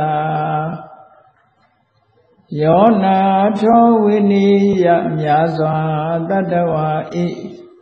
ချမ်းသာစီးပွားလိုလားတောင်းတဂုံပေါင်းခါသဖြင့်နာထမြညာခြင်းရှင်တော်မြတ်ဖရာသည် ကပ္ပကောတိဟိပိဂရေကဘာအရေးအတွက်သင်္ချာတို့ဖြင့်တော်လဲအပမေယံရည်တွေတိုင်းတာဖော်ပြခြင်းငါမဆွမ်းနိုင်ပါသောကာလံလေးအသင်ချေသိမ့်နေကဘာရှိကြသောကာလပတ်လုံးလောကဟိတယတတလောကဤအကျိုးစီးပွားအလို့ငါအတိဒုက္ခရာဏိဥ္စာသင်ချေလဲအင်္ဂါ မေတ္တာကြီးမှသမိတာနှင့်တထာဇနီဆွန်ရင်ကြီးဟုကြတိထဝေငါးသွဲအစုအလုံးခဲရင်တော်မူတော့ကိုကရွန်တော်ဖျားဖြစ်ရန်ရည်တန်ကြိုးကုတ်အထုတော်မူရသည်ဖြစ်၍ခေရန်လက်ချင်းမြင်လုံးအသက်ဆုံးရဲ့နှလုံးစိမ်ဝံကိုရောဤပမန်းခြင်းတို့ကတောဘဝတဏ္ဍချိန်ခံများစွာရောက်တော်မူခဲ့ရရှာနေပြီ မဟာကရုဏီကသတ္တဝါများယင်ဝေသာကတုတနာချစ်ခင်မဟာကရုဏာရှင်ဖြစ်တော်မူသောတသနာတသဝေနယများစွာတတဝါဤချမ်းသာစီးပွားလိုလားတောင်းတအကုန်ပေါင်းခါသဖြင့်နာထအမြညာထိုရှင်တော်မြတ်ဖရာအားနမောယုတိပြောင်းပြောင်းမင်္ဂလျော၍ ကရောယုကျိုးရှိခိုးခြင်းသည်အထုဘဝတုစင်စစ်မသွေဖြစ်ပါစေတည်း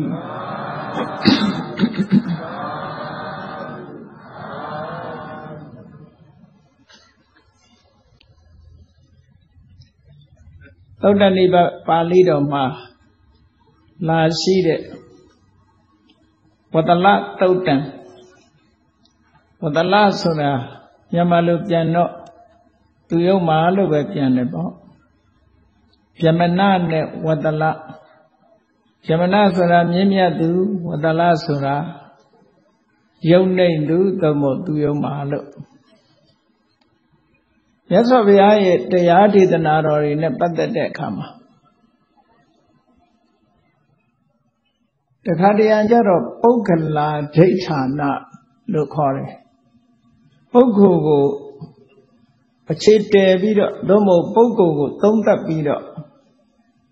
ပုဂ္ဂိုလ်ကိုဥတည်ချက်ထားပြီးတော့ဟောတဲ့ဒေသနာမျိုးကိုပုဂ္ဂလာဒိဋ္ဌာနဒေသနာလို့ခေါ်တယ်တခါတရံကြတော့ပုဂ္ဂိုလ်ကိုမပြောဘဲနဲ့ဓမ္မာဒိဋ္ဌာနပုဂ္ဂိုလ်ရဲ့အမှုအကျင့်တွေသို့မဟုတ်ထိုပုဂ္ဂိုလ်ရဲ့တဏ္ဍာမှာရှိတဲ့ ကောင်းမကောင်းဆိုတဲ့တရားဓမ္မတွေရဲ့အကြောင်းကိုဥတည်ပြီးတော့ဟောတာမျိုးကြတော့ဓမ္မာဒိဋ္ဌာနဒေသနာလို့အရာထဲမှာလည်းပြောကြတယ်လေပုဂ္ဂလဒိဋ္ဌံဓမ္မဒိဋ္ဌံနဲ့ပြောပါဠိမှန်မှန်ကန်ကန်ပြောမယ်ဆိုရင်တော့ပုဂ္ဂလာဒိဋ္ဌာနပုဂ္ဂလာဒိဋ္ဌံမြန်မာစကားကြတော့တခါတရံကြတော့ချောအောင်လို့ ပုဂ္ဂလာဒိဋ္ဌံလို့မပြောတော့ဘဲနဲ့ပုဂ္ဂလာဒိဋ္ဌံလို့ပဲပြောလိုက်တယ်ပေါ့ပါဠိကိုမြန်မာလိုသုံးတဲ့အခါမှာတန်တာရဆိုတဲ့ပါဠိစကားအစ်စ်ကိုမြန်မာလိုကြတော့တန်တရာလို့လုံးလိုက်တယ်မြန်မာရဲ့နှုတ်နဲ့ကြိုက်အောင်ပြောင်းလိုက်တာပရိခါရဆိုတဲ့ပါဠိစကားစိတ်ကိုပရိခယာပရိခရာလို့ဒီလိုသုံးတယ်ပါဠိမှန်ကတော့တန်တာရလို့ပရိခါရအဲ့ဒါလိုပဲဒီမှာ ပုဂ္ဂလဒိဋ္ဌာနာကိုပုဂ္ဂလဒိဋ္ဌံဓမ္မဒိဋ္ဌာနကိုဓမ္မဒိဋ္ဌံတခါတခါဗမာစကားထဲမှာပြောတယ်ဓမ္မဒိဋ္ဌံကြကြပြောမယ်လို့ဆိုတာဓမ္မဒိဋ္ဌံကြကြပြောတယ်ဆိုတာပုဂ္ဂိုလ်ကိုထည့်ပြီးတော့မသုံးတတ်ဘူးဆိုပါစို့လောဘကြီးတဲ့လူလို့ပြောလို့ရှိရင်ပုဂ္ဂလဒိဋ္ဌံလို့ခေါ်တယ်ပုဂ္ဂိုလ်ပြောရရောက်တယ် ဒီလောဘအကြောင်းကိုပြောမယ်ဆိုလို့ရှိရင်တော့ဓမ္မဒိဋ္ဌံပုဂ္ဂိုလ်ကိုမသုံးတတ်ဘူးလောဘကိုပုဂ္ဂိုလ်ရဲ့တဏ္ဍာမှာဖြစ်တဲ့ကောင်းမကောင်းတရားဓမ္မတွေကိုရည်စူးပြီးတော့ပြောတာအမြတ်စွာဘုရားအနေနဲ့ကတော့တခါတခါပုဂ္ဂလဒိဋ္ဌံဒေသနာများဟောတယ်လို့ပဲတခါတခါကျတော့ဓမ္မဒိဋ္ဌံနဲ့ဟောတာလည်းရှိတယ်ပေါ့တခါတခါဥတီချက်က ပုဂ္ဂလဒိဋ္ဌံဥတီထားပြီးတော့ရှင်းလင်းဟောကြားသွားတဲ့အခါကျတော့ဓမ္မဒိဋ္ဌံနဲ့ဟောတော်တာတွေလည်းရှိအဲ့ဒီမဲ့ထူးခြားချက်ကလေးတစ်ခုသာသနာတော်မှာထူးခြားတဲ့ပုဂ္ဂိုလ်တစ်ပါးပေါ်ခဲ့ဘူးတဲ့အဲ့ဒီမထေမြတ်ရဲ့ဘွဲကတော့ရှင်သူဗုဒ္ဓိလို့ခေါ်တယ်သူဗုဒ္ဓိဆိုတာတခြားမဟုတ်ဘူး ငယ်နာမည်သုတတလို့အမည်ရတဲ့အနာရဝိတထေကြီးရဲ့ညီအရင်ပဲစေရွန်เจ้าကြီးเจ้าရည်စဲချမှာမြတ်စွာဘုရားတရားနာရလို့အကျွတ်တရားရပြီးတော့သင်္ကန်းဝတ်သွားသူဗုဒ္ဓိရဟန္တာကြီးဖြစ်ပြီးတော့ထူးခြားတဲ့ဣတရေဘွယ်လူတွေရတယ်အဲ့ဒီရှင်သူဗုဒ္ဓိရဲ့ထူးခြားချက်ကဘာလို့ဆိုရင် ပုဂ္ဂလဒိဋ္ဌံဒေသနာမျိုးကိုဘယ်တော့မှမဟောဘူးသူဓမ္မဒိဋ္ဌံပဲပြောတယ်ပုဂ္ဂိုလ်ကိုဘယ်တော့မှထည့်မပြောဘူးတရားပဲအပြစ်တင်စရာရှိရင်လည်းတရားကိုပဲအပြစ်တင်တယ်ချီးမွမ်းစရာရှိရင်လည်းတရားကိုပဲချီးမွမ်းတယ်ဟောအဲ့ဒါလို့ဟောတဲ့ပုဂ္ဂိုလ်မျိုးလည်းရှိတယ်ပေါ့အဲမြတ်စွာဘုရားကတော့သင့်တော်သလိုတခါတရံကြတော့ပုဂ္ဂိုလ်ကိုဥတည်ပြီးပုဂ္ဂလဒိဋ္ဌံဒေသနာလည်းဟောတယ် တရားကိုဥတည်ပြီးတော့ဓမ္မဒိဋ္ဌံကိုလည်းဟောတယ်အခုဒီသုတ်တံမှာတော့ဝတလဆိုတဲ့စကားလုံးကိုသုံးပြီးတော့သူယုံမာလို့ဒီလိုပြောပြီမဲ့လို့ထိုသူယုံမာတို့ရဲ့အမှုအကျင့်လို့ဆိုတဲ့ဓမ္မတွေကိုရည်ညွှန်းပြီးတော့ထုတ်ခေါ်ပြောတယ်ဒီအကျင့်စရိုက်တွေပြုမှုဆောင်ရွက်မှုတွေစိတ်နေသဘောထားတွေအဲ့ဒါတွေဟာ ဝတလဆိုတဲ့အဝတ္တမအောက်တန်းကျတဲ့ပုဂ္ဂိုလ်တွေရဲ့အပြုအမူတွေပဲလို့ဘာဖြစ်လို့ဒီစကားလုံးကိုသုံးတာတုံးလို့ဆိုတဲ့အခါမှာရသော်ဘုရားကိုဝတလလို့ခေါ်ပြီးတော့ဒီအသုံးနှုန်းနဲ့ဆွဆွဲပြောဆိုပြီးအဂိကဘာရဒွါစပုံနာကြီးက ဘုရားကိုဝတလလို့ဆိုတဲ့ဒီအသုံးနဲ့သုံးပြီးတော့ပြောခဲ့လို့မြတ်စွာဘုရားကဝတလဆိုတာဘယ်လိုပုဂ္ဂိုလ်မျိုးမှဘယ်လိုအမှုချင်းတွေရှိပြီးတော့ဘယ်လိုစိတ်နေသဘောထားတွေရှိတဲ့ပုဂ္ဂိုလ်မှဝတလလို့တမရမယ်ဆိုတာဓမ္မဒိဋ္ဌံကြကြတရားရှုတော်ကနေကြီးမြတ်စွာဘုရားအစစ်မှန်လောကကြီးဟာတကယ်တဘာဝတရားတွေကထင်ရှားရှိနေတော့လဲ လူတွေဟာသဘာဝတရားတွေကိုမမြင်နိုင်ကြဘူးမမြင်နိုင်သည့်အတွက်ကြောင့်ပုဂ္ဂိုလ်တွေကိုပဲဆွဆွဲကြတယ်ပုဂ္ဂိုလ်တွေပဲဥတည်ပြီးတော့စကားပြောကြတဲ့အခါကျဘာဖြစ်တုံးဆိုမုန်းနှိမှုတွေပွားလာပေါ့ပုဂ္ဂိုလ်ကိုဥတည်ပြီးတော့ပြောတဲ့အခါကျတော့ဟာဒီလူကလူဆိုးပဲဒီလူကလူကောင်းမဟုတ်ဘူးနဲ့ပုဂ္ဂိုလ်ကိုဥတည်ပြောတဲ့အခါကျရင်တဲ့နှလုံးထဲမှာအမုန်းတရားတွေဖြစ်ပွားလာ အဲ့ဒါလို့မဟုတ်ဘဲနဲ့ဩဒီလူရဲ့တဏ္ဍာမှာဖြစ်တဲ့အကုသိုလ်ကအမတန်ဆိုးပါလားဒီလူရဲ့အမှုအကျင့်တွေကအမတန်ဆိုးပါလားအကုသိုလ်တရားတွေအမှုအကျင့်တွေစိတ်တွေသဘောထားတွေကြောက်စရာပဲလို့ပုဂ္ဂိုလ်ကိုမကြည့်ဘဲနဲ့ပုဂ္ဂိုလ်ရဲ့အမှုအကျင့်တို့ပုဂ္ဂိုလ်ရဲ့စိတ်တွေသဘောထားတွေကိုအပြစ်တင်မယ်ဆိုလို့ရှိရင်ပုဂ္ဂိုလ်ကိုမုန်းတဲ့စိတ်လျှော့ချလို့ရတယ် လူကိုမုန်းတာမဟုတ်တော့သူ့ရဲ့အကျင့်စရိုက်ရှုတ်ချတာဖြစ်သွားအဲ့ဒါလို့မဟုတ်လို့ရှိရင်အမုန်းဟာလူပေါ်မှာပဲသွားပြီးတော့ရက်တကယ်ရှုတ်ချပြီးတော့မုန်းနေတဲ့နာကသူ့ရဲ့အမူအကျင့်နဲ့လှုပ်ဆောင်ချက်စိတ်နေသဘောထားအကုသိုလ်တရားတွေဒါမုန်းတဲ့နဲ့တဲ့အပြစ်တင်ရင်လည်းအကုသိုလ်တရားတွေပဲအပြစ်တင်တဲ့နဲ့တံဝေကယူတယ်။ အော်လောဘဆိုတာအမှန်တန်ဆိုးတာပါလား။ဒီလောဘဆိုတဲ့တရားဖြစ်လာလို့ရှိရင်ဘယ်လိုပဲအထက်တန်းကြတဲ့ပုဂ္ဂိုလ်လို့ပြောပြောလူတကာလေးစားရတဲ့ပုဂ္ဂိုလ်လို့ပြောပြောလောဘဝင်လာပြီဆိုလို့ရှိရင်ဒီပုဂ္ဂိုလ်ဟာလူတကာရဲ့လေးစားမှုရောကျသွားစေနိုင်တယ်ဒါလောဘရဲ့အပြစ်ပဲလို့အကုသိုလ်တရားတွေရှုစင်ခြင်းอ่ะ ဩစိတ်ဆိုးပြီးမထိန်နိုင်မသိနိုင်ဖြစ်နေတဲ့ပုဂ္ဂိုလ်ကြည့်လို့ရှင်ဩဒေါသဆိုတာတော်တော်ဆိုးတာမလားပြုံးပြုံးပြုံးပြုံးနဲ့နေတတ်တဲ့ပုဂ္ဂိုလ်တောင်အယုတ်ဆိုးအောင်လုပ်တတ်ပါလားလို့ဒီဒေါသရဲ့အပြစ်ဟာအမတန်ဆိုးတာပါလားနောက်ဆုံးမှာပါဇက်ကမထွက်ရဲတဲ့စကားတွေတောင်ဒေါသရှိလာရင်ထွက်ရဲလာတယ်မလုံရဲတာတွေလုံရဲလာတယ်ဆိုတော့ဩဒီဒေါသဟာတော်တော်ဆိုးတဲ့ဒေါသပါလားလို့ ပုဂ္ဂိုလ်ကို အမြင့်မတင်ပဲနဲ့အကုသလဓမ္မကို အပြစ်တင်မယ်ဆိုလို့ရှိရင်ဘုန်းကြီးတို့တွေကမှန်ကန်တဲ့အမြင်တစ်ခုပေါ်မှာအခြေခံသည့်အတွက်ကြောင့်ပုဂ္ဂိုလ်ကိုမုံတိမှုလို့ဒါတွေကရောကြသွားနိုင်တယ်အဲ့ဒါကြောင့်မို့လို့ဓမ္မထိတ်ခံအမတန်မှအရေးကြီးတယ်ပုဂ္ဂိုလ်ကိုမသုံးတတ်တော့ပဲနဲ့ဓမ္မထိတ်ခံကြကြပြောတယ်လို့ဆိုတာအဲ့ဒါဆို နေ့တော့ကသူရောမာတို့ရဲ့အမှုအကျင့်များဆိုတာကိုမြတ်စွာဘုရားဟောကြားခဲ့တဲ့ဂါထာ10ခုဂါထာပုဒ်ပေါင်း20ရှိတဲ့ထဲမှာ10ပုဒ်ကိုရှင်းလင်းဟောကြားပြီးတော့ပြီးပြီအခုဆက်ပြီးတော့ဟောရမယ်လို့ဆိုတဲ့အခါယောအထံပုစိတောတန်တော် အနတ္ထမနုတာတတိလောကမှာအထလို့ခေါ်တဲ့အကျိုးစီးပွားအကျိုးစီးပွားဆိုတာလူတွေမှာအကျိုးစီးပွားဆိုတာဒီဘဝအတွက်အကျိုးစီးပွားနောက်ဘဝအတွက်အကျိုးစီးပွားနိဗ္ဗာန်လို့လို့အလွန်အဆင့်မြင့်တဲ့အကျိုးစီးပွားလို့ အကျိုးစီးပွားဆိုတာ၃မျိုးရှိတယ်ပေါ့အဲ့ဒီ၃မျိုးနဲ့ပတ်သက်ပြီးတော့ဒီဘဝကောင်းရာကောင်းကြောင်း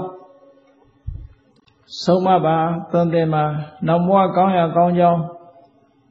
ကောင်းကျိုးချမ်းသာတွေကိုရနိုင်တဲ့နိလန်းတွေကိုဟောပြောပေးပါနောက်ဆုံးမှနိဗ္ဗာန်ဆိုတဲ့အကျိုးတရားကိုရနိုင်တဲ့တရားတွေကိုဟောပြောပေးပါလို့တစုံတယောက်ကမေးလာတဲ့အခါ တကယ်မြင့်မြတ်တဲ့ပုဂ္ဂိုလ်ကတော့တကယ်ကိုစစ်မှန်တဲ့ခေါင်းကျိုးချမ်းသာတွေရစေနိုင်တဲ့အကြောင်းတရားတွေကိုဟောတယ်တဲ့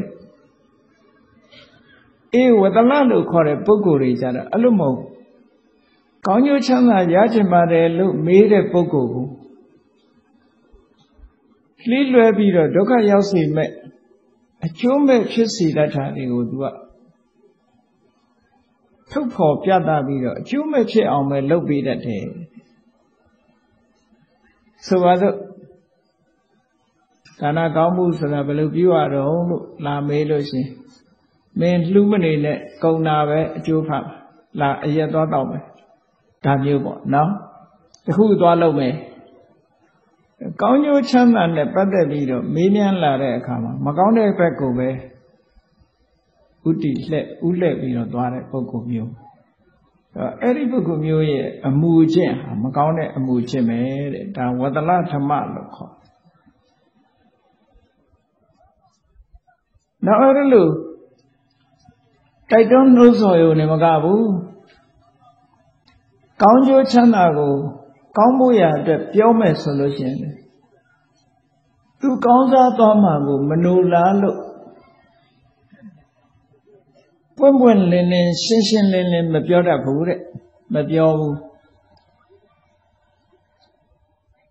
လူတယောက်ဟာလူတော်လူကောင်းလေးဖြစ်သွားမှစိုးပြီးတော့ဘယ်တော့မှပွင့်ပွင့်လင်းလင်းမပြောဘူး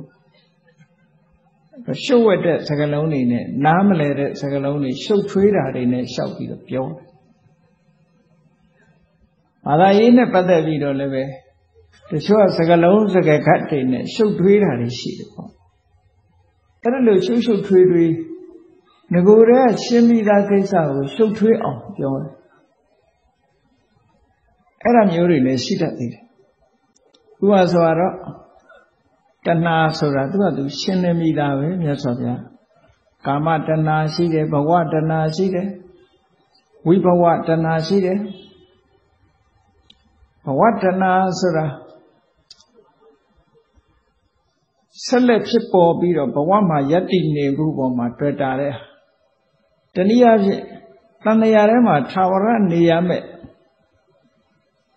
ကြည်မြဲတယ်ဆိုတဲ့အယူအဆနဲ့တွဲလာတဲ့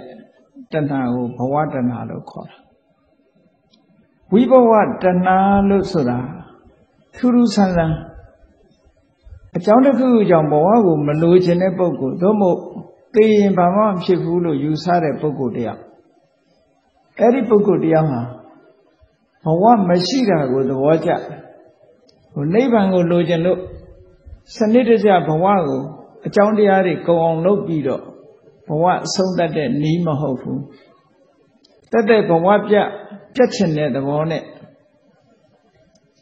ဥစ္စေတဒိဋ္ဌိအခြေခံတဲ့ဟာကိုဝိဘဝလို့ဒါဒီအဓိပ္ပာယ်ကရှင်းလင်းမိတာကိစ္စတစ်ခု ရှုပ်ထွေးအောင်ပါပြောတော့ဆိုတခြားနေရာကစကလုံးတွေကိုယူပြီးတော့ဝိဘဝဆိုတာတဲ့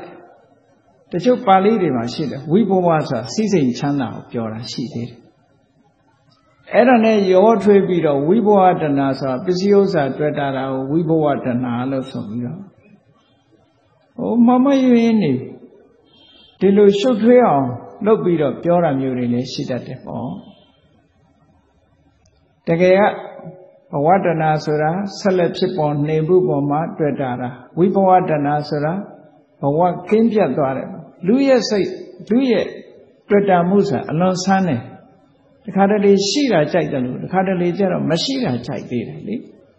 မရှိတာကြိုက်တယ်အဲမရှိတာကြိုက်တယ်ပြည့်စည်သွားတာကိုကြိုက်တဲ့ဟာကိုမှဝိဘဝတစီစိန်ချမ်းသာကိုတွေ့တာတာမဟုတ်ဘူးအဲ့ဒါလို့စကလုံးချင်းရှုပ်ထွေးအောင်လုပ်ပြီးတော့ပြောတတ်တဲ့လူ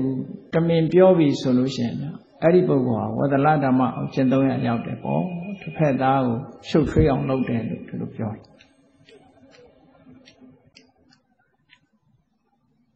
ဒါက7ခုမြောက်ရသော်ဗျာမိန့်ကြားတဲ့စကားတစ်ခုနောက်တော့ဆက်ပြီးတော့မိန့်ကြားသေးတယ်ဒီဥမာတို့ရဲ့အမူအကျင့်ဆိုတဲ့အထက်မှာဒါရမကဘူး ယောကတဝပါပကံကမ္မမမ္မံစဉ္ညာတိအစ္စတိယောပရိစ္ဆာနာကမ္မန္တောတဝေဝတံစဉ္ညာဝတလောဣတိမောတယုတ်အကုသိုလ်အမှုတွေကိုပြုလုပ်ပြီးတဲ့အခါမှာမဟုတ်တာလုပ်ပြီးရင်သူဆန္ဒကဘာလို့တော့သူမဟုတ်တာလုံမှန်းတော့သိတယ်ဒါပေမဲ့ ငါမဟုတ်တာလှုပ်တာတွေဘယ်သူမှမသိကြပါစေနဲ့ငါ့ကိုသူတော်ကောင်းကြီးလို့ထင်ကြပါစေမဟုတ်တာတွေလှုပ်ထားပြီးတော့သူ့ကိုယ်သူသူတော်ကောင်းလို့ထင်ခံခြင်းနဲ့ဟုတ်တာတွေလှုပ်တယ်လို့ထင်ခံခြင်းနဲ့ကောက်ကျစ်တဲ့အတွေးပေါ့နော်မဟုတ်တာလှုပ်ပြီးတော့ဟုတ်တာလှုပ်တဲ့ပုဂ္ဂိုလ်အဖြစ်အထင်ခံခြင်းနဲ့ဆန္ဒမကောင်းတာလှုပ်ပြီးတော့ဖုံးကွယ်ထားရတဲ့အကုသိုလ်အမှုတွေရှိတယ် အဲ့ဒီပုဂ္ဂိုလ်မျိုးကိုလည်းပဲတဲ့ဝတ္တလအမှုချင်းရှိတဲ့ပုဂ္ဂိုလ်လို့မြတ်စွာဘုရားဒီလိုဆုံးဖြတ်တယ်နောက်နောက်တစ်ခုကြတော့ပါလဲလို့ဆိုယောဝေပရကုလံခန္ဓဝါဘုဒ္ဓဝါနသုစိဘောဇနအာဂတံနပฏิပုစေတိတန်စင်ညာဝဒလောဣတိ လောကလူတွေဆိုတာအမျိုးမျိုးဆက်ဆက်ရှိတာမျိုးမျိုးရှိတယ်အေးတချို့ကသူများအိမ်သွားလဲတယ်သူများစီဧည့်သည်အဖြစ်ပေါ့လေရောက်သွားတယ်သူများအိမ်ရောက်သွားတော့ကတော့အဲ့ဒီအိမ်ရှင်ကတရားတရားကောင်းလို့ကောင်းကောင်းမွန်မွန်ဧခံကျွေးမွေးလိုက်တယ်အကြောင်းကိစ္စရှိလို့ ကိုယ့်ကိုတစ်ချိန်လုံးကချွေးမွေးအခန့်ထားတဲ့ဧည့်သည်ရောက်လာပြီဆိုလို့ရှိရင်တုံ့ပြန်ပြီးတော့အခန္ဓာမျိုးမလုပ်ဘူးတဲ့။ရင်တော့မြန်မာနိုင်ငံမှာဟိုတချင်းတောင်မှပေါ်ခဲ့သေးတယ်ထင်ပါရဲ့။ဧည့်သည်ကအိမ်ရှိကဝင်လာလို့ရှိရင်အိမ်နောက်ဖေးတကားကနေထွက်သွားတာဆိုတာ။နော်ဒီလိုလူမျိုးကလည်းရှိတတ်သေးတာ။အဲ့လာမှာကြောက်။ အဲသူများအိမ်သွားတော့ကတော့ဟိုကကျွေးတာမွေးတာတွေအခန့်စားတော့ပြီးကိုယ်အိမ်လာတဲ့အခါကျတော့မသိကြအောင်ဆောင်းနေတဲ့တုံ့ပြန်ပြီးတော့ကျွေးတာမွေးတာမလုပ်ဘူးတဲ့လုံနိုင်ရင်တန်းနဲ့မလုပ်ဘူးလို့အဲ့ဒီစိတ်တွေသဘောထားရှိတဲ့ပုဂ္ဂိုလ်ဟာဒါသူရောမှရဲ့အမှုချင်းပဲဒီလိုဆိုလို့ဝတ္တလပဲလို့လက်ဆိုပြအဲ့တော့ဝတ္တလဆိုတဲ့သူရောမှရဲ့ စိတ်နေသဘောထားတွေကိုသိရင်မြင့်မြတ်တဲ့ပုဂ္ဂိုလ်ရဲ့စိတ်နေသဘောထားအပြန်အားဖြင့်သိနိုင်ပြီးသားဖြစ်တယ်ပေါ့ဟောနောက်တစ်ခုကျတော့ဘာဟောပြန်လို့ဆိုယောပြမနံတမနံဝါအညာဝါပိဝနိဗ္ဗက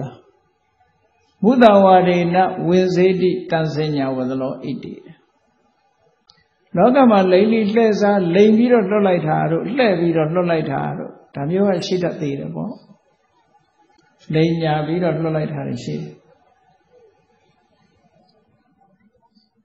ဘာသာရေးတရားကိုကျင့်ကြံနေတဲ့ဗြဟ္မဏပုဂ္ဂိုလ်သို့မဟုတ်ယန္တာပုဂ္ဂိုလ်ဖြစ်စေသမဏဆိုတဲ့အကျင့်ကိုကျင့်နေတဲ့သမဏပုဂ္ဂိုလ်ပဲဖြစ်စေသို့မဟုတ်လာရောက်ပြီးတော့တောင်းရန်စားတော့တဲ့ပုဂ္ဂိုလ်ပဲဖြစ်စေအဲဒီလိုပုဂ္ဂိုလ်မျိုးကိုဖြောင်းဖြောင်းမမမရှိဘဲနဲ့ဆိုပါတော့ တချို့ကြတော့ဟိုမပေးခြင်းတဲ့ခါကျဘယ်လိုတော့ဆိုကိုကိုယ်တိုင်ဟုတ်လားအိမ်ရှင်ဖြစ်ပေမဲ့လို့ဟာအိမ်ရှင်နေမရှိဘူးယောဂဧည့်သည်နဲ့ဆိုပြီးတော့လိန်လွတ်လိုက်တာဒါမျိုးလည်းရှိတယ်နောက်တချို့ကြတော့လေအိမ်မှာခွေးမွေးထားတာမရှိဘဲနဲ့ခွေးတတိပြုဆိုပြီးတော့ရေးထားတာလည်းရှိတယ်ဘာဖြစ်လို့တော့ဆိုလို့ချင်းလူဝင်လာမှာဆိုအမျိုးစုံပဲ အဲ့ဒါလို့လိမ့်လီလဲစားပြီးတော့လှုပ်တတ်တဲ့ဟာဆိုလို့ရှိရင်လေဒါမြတ်စွာဘုရားကဝတ္တလလို့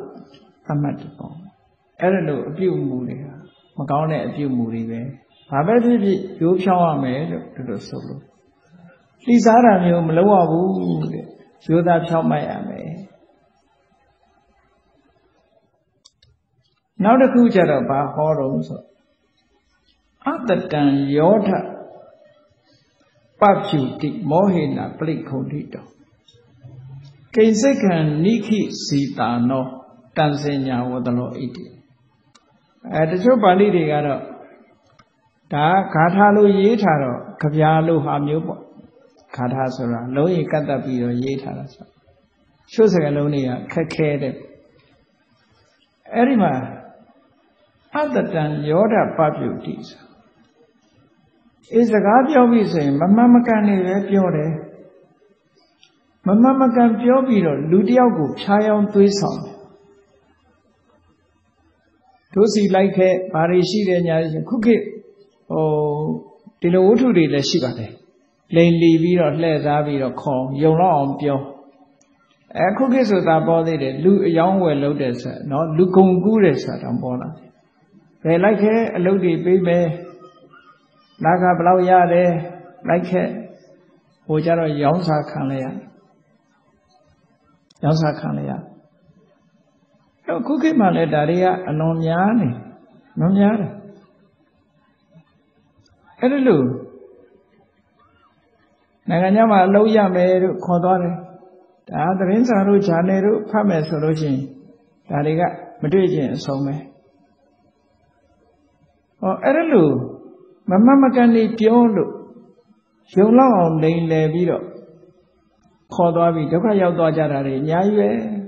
ဒုက္ခရောက်ကြတယ်တချို့ကြတော့မပြောရဲလို့မပေါ်လာတာလည်းရှိမပြောရဲပြောရမှာဝန်လေးလို့တော့မဟုတ်ရှက်လို့အေးနိုင်ငံသားတွေမှာဆိုလို့ရှိရင်ဒါမျိုးတွေကတော်တော်များများဖြစ်နေဒီကနေ့ခေတ်မှာတော်တော်များများဖြစ်နေ အော်အဲ့လိုလူတစ်ပတ်သားကိုလိန်လီလိစားပြီးတော့ကိုချိုးစီးပွားအတွက်ရှာဖွေတယ်မမမှန်ကန်ကန်လုပ်ပြီးတော့မပေးဘူးသူများစီကနေငွေကြေးတနာတွေယူပြီးတော့အလုပ်ရမယ်ဆိုပြီးတော့ရအောင်လုပ်မပေးဘူးဆိုတဲ့ဟာတွေအဲ့ဒီလိုလုပ်တဲ့ပုဂ္ဂိုလ်တွေဟာမြတ်စွာဘုရားကတန်စင်ညာဝတလောဣတိအဲ့ဒီပုဂ္ဂိုလ်မျိုးလူမတ် ဒီရောမှလုပ်ပဲမှတ်ပါသူရဲ့လောက်ရကိုဖြည့်ပြီးတော့မြတ်စွာဘုရားဟောတယ်။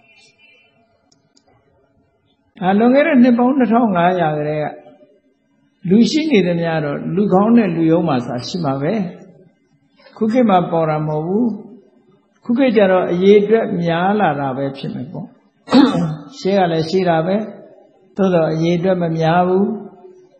စုတ်ကတ်ဆိုတဲ့အခါမှာအရေးအတွက်တွေများလာတာပေါ့။ဒီလိုဆိုလိုတာ။ဟောနောက်တစ်ခုကျတော့မြတ်စွာဘုရားကဟောပြန်တယ်ရောတကောခတရိယောသပါပိသောမစ္စရိတထောအဟိရိကောအနုတ္တပိတံစညာဝဒလောဣတိလူကောင်းလားလူယုတ်လား သို့မဟုတ်လူရဲ့အဆင့်တန်းတစ်ခုဘာနဲ့သတ်မှတ်မလဲလို့ဆိုတဲ့အခါမြတ်စွာဘုရားကရောတကဆိုတာစော်ကားမော်ကားပြောတတ်တယ်လူတယောက်ကိုစော်ကားမော်ကားပြောတတ်တယ်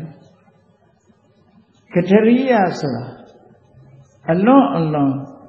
နှမျောတတ်တဲ့ပုဂ္ဂိုလ်အလွန်အလွန်နှမျောတဲ့ပုဂ္ဂိုလ်နဲ့နှမျောတဲ့ပုဂ္ဂိုလ်နှမျိုးရှိနစ္စရိယဟို မစ္စရိလို့ခေါ်တဲ့နှမျောတဲ့ပုဂ္ဂိုလ်နဲ့ကထရိယလို့ခေါ်တဲ့ပုဂ္ဂိုလ်မျိုးဘာကွာသလဲလို့ဆိုရင်တချို့နှမျောတတ်တဲ့ပုဂ္ဂိုလ်ဆိုတာကိုယ်ပစ္စည်းတာကိုနှမျောတာဟောဒီဂထရိယဆိုတဲ့ပုဂ္ဂိုလ်ကြတော့ကိုယ်ပစ္စည်းရင်ကိုမဟုတ်ဘူးသူများကလှူမယ်ဆိုတော့သူကလိုက်ဖြစ်တယ်သူများပေးမဲ့ကမ်းမဲ့ဆိုတော့မပေးရမကမ်းရသူများလှူတာကိုတောင်မှ ဟိုအပြစ်ပြောတဲ့ပုဂ္ဂိုလ်မျိုးอ่ะဒါဂထရိယလို့ခေါ်တယ်အတော်ကိုစိတ်ထားယုံညံ့သွားပြီကိုပစ္စည်းကိုနှမျောတာမပေးလို့တာရိုးရိုးမစ္စရိယဒါကြတော့ခတရိယလို့ခေါ်တယ်အလွန်ပြင်းထန်တဲ့မစ္စရိယရှိတဲ့ပုဂ္ဂိုလ်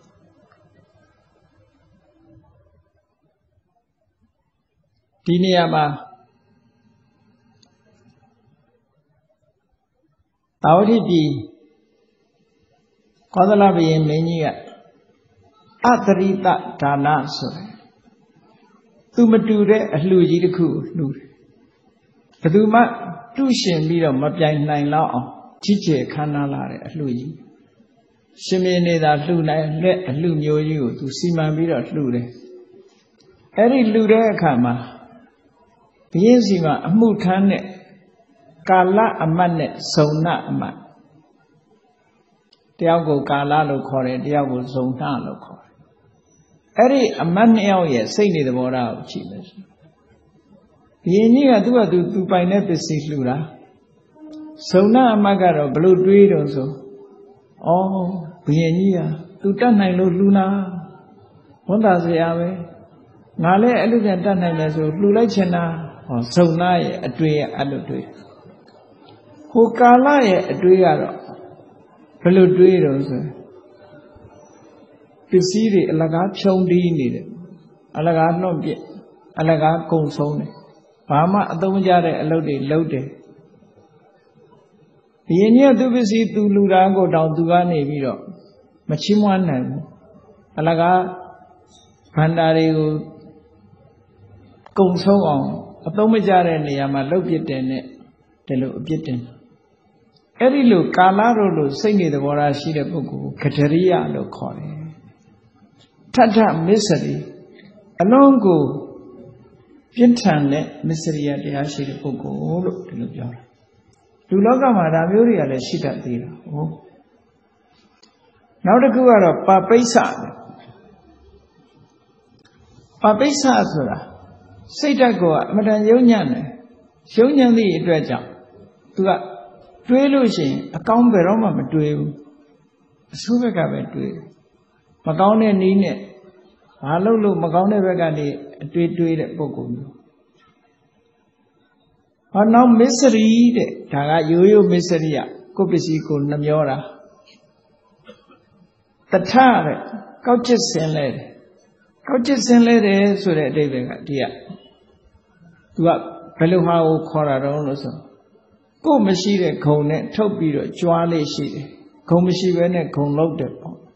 ဟန်ဆောင်တယ်လိန်တယ်ညာတယ်ဆိုတဲ့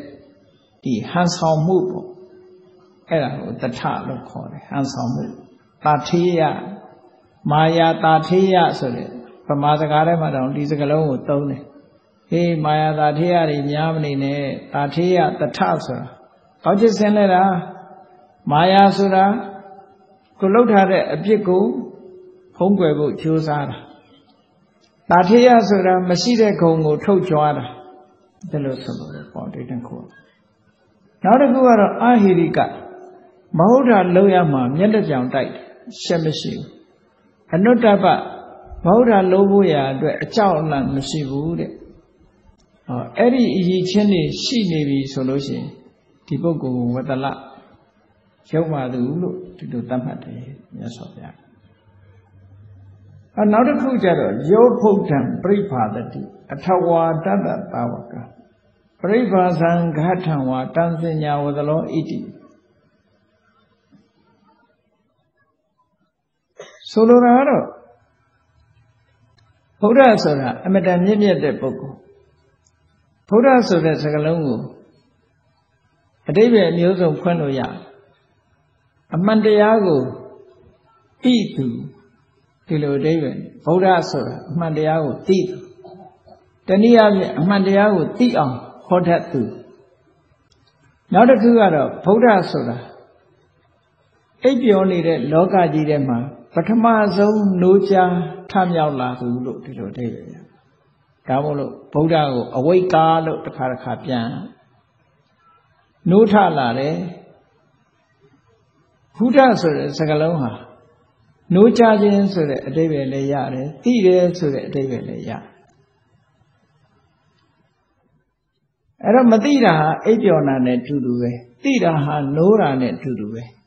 ဒါကြောင့်မို့လို့ရှုဥစွာနိုးလာတဲ့ပုဂ္ဂိုလ်လို့အဲ့ဒီလိုဗုဒ္ဓမျိုးကိုဆက်ဆူချိန်မောင်အပြစ်တင်အပြစ်စကားပြောတဲ့ပုဂ္ဂိုလ်မျိုးတဲ့အဲ့ဒီလိုဗုဒ္ဓရဲ့ တပိသားမျိုးဆက်ဆူချိန်မောင်အပြစ်စကားပြောတဲ့ပုဂ္ဂိုလ်မျိုးမြတ်စွာဘုရားလက်ထက်တုန်းကလည်းဖះဆဲတာတွေရှိတာပြစ်တင်တာတွေလည်းရှိတာ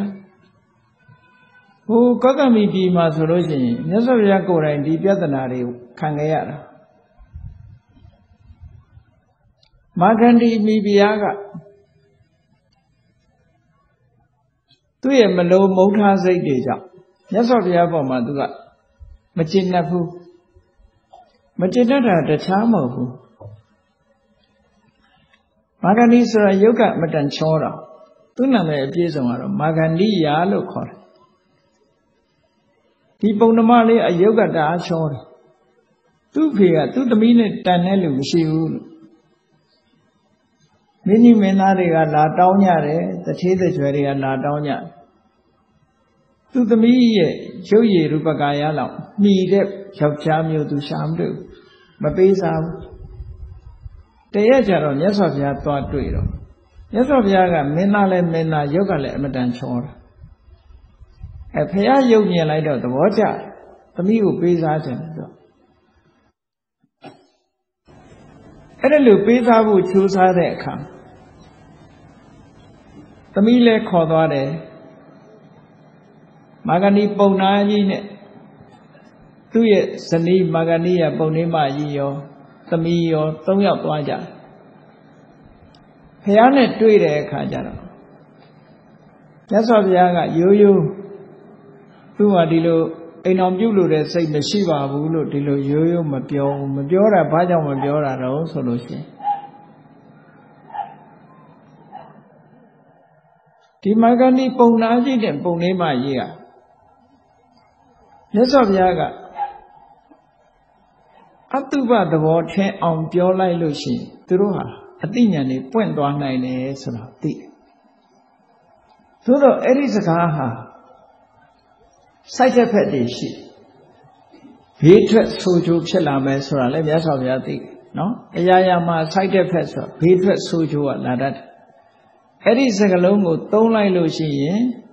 အမေနဲ့အဖေကတော့အချွတ်တရားရသွားမှာ သို့တော့သမီးကတော့ဒေါသအမျက်ချောင်းချောင်းထွက်ပြီးဘုရားကိုရန်လုံးတော့မှာပဲဒါကြိုတင်သိထားတယ်အဲ့လိုကြိုတင်သိထားတာမြတ်စွာဘုရားကဒီနှစ်ခုဘယ်ဟာရွေးရရွေးလို့မရတော့ဒီနှစ်ခုလာမှာပဲလာမှာလို့ဆိုတော့အကျွတ်တရားရမယ်ပုဂ္ဂိုလ်တရားဓုတရားမြတ်ရမယ်ပုဂ္ဂိုလ်ဦးစားပေးလိုက်တယ်သူ့ပေါ်မှာမုန်းတာမမုန်းတာအဓိကမထားတော့အဲ့ဒါကြောင့်မို့လို့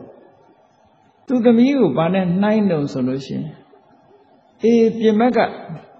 decoration တွေနဲ့အလှဆင်ထားတဲ့အထဲထဲမှာမစင်တွေထည့်ထားတဲ့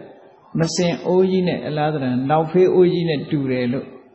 ပြောလိုက်တာဒီစကားကသမီးဖြစ်တဲ့မာဂန္ဒီပေါ်မှာတိတ်နာကြီးသွားပြီမဲ့အမေနဲ့အဖေကြတော့ဒီစကားကတရုပ်ပေါ်သွားတယ်။အော်လူတွေရဲ့တဏ္ဍာဆိုတာလူတွေဆိုတာတကယ်ကို မစင်အိုးနောက်ဖေးအိုးကြီးအပြင်ဘက်ကသာအလှပလှုပ်ထားတယ်အတွင်းထဲကတော့ဒီလိုအညစ်အကြေးတွေနဲ့ပြည့်နေပါလားဆိုတာသူတို့ကတော့တရားသူတရားမြတ်ရသွားကြဟိုးသမီးလှုပ်တဲ့လောက်ကနာကြီးသွားတယ်နာကြီးသွားသည့်အတွက်ကြောင့်မာဂဏီယမိဖုရားဖြစ်တဲ့အခါကျတော့ကောသမီပြည်မှာဖုရားကြွလာတယ်ဆိုတိကျဒုက္ခပေးတာတိကျဒုက္ခပေးတယ်ယဟန်တွေကိုဆဲဆုံးကလာတဲ့ကိုရော်တွေဆဲ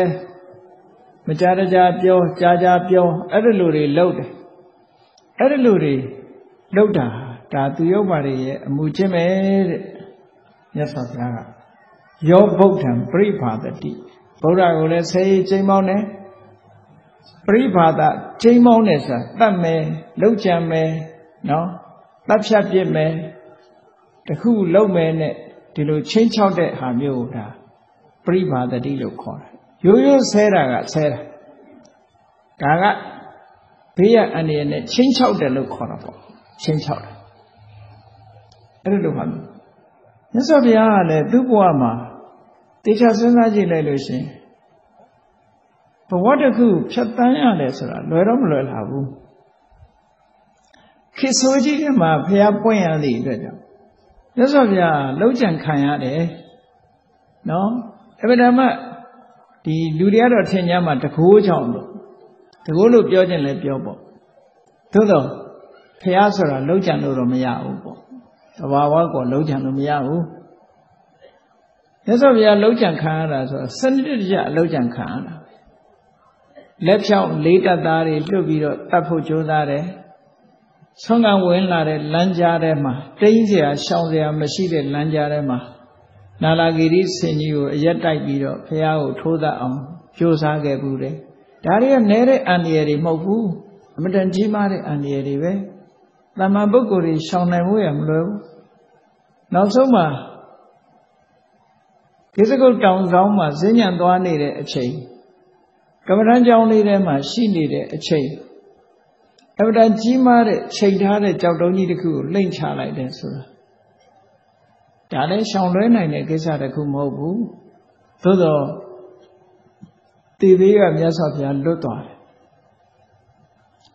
သို့တော့နှိမ့်ချလာတဲ့ကြောက်တုံးကြီးဟာအောက်ကကြောက်တုံးကြီးတစ်ခုနဲ့တိုက်ပြီးတော့ကြောက်ဖတ်တစ်ခုဟာပက်ထွက်လာပြီးတော့မြတ်စွာဘုရားခြေတော်ကိုမှန်သွားတယ်မှန်သွားတဲ့ချိန်တာမန်ပုဂ္ဂိုလ်ဆိုအဲ့ဒီနေရာမှာခွေရဲ့လဲကျသွားမှာပဲ မြတ်စွာဘုရားကတော့ဒုက္ခကိုသိခံနိုင်တဲ့ပုဂ္ဂိုလ်ဆိုခွေရဲ့လဲမသွားဘူးပဝန်းကျင်မှာရှိတဲ့ယဟန်တွေဟာမြတ်စွာဘုရားဓာယရသွားတဲ့အခါမှာ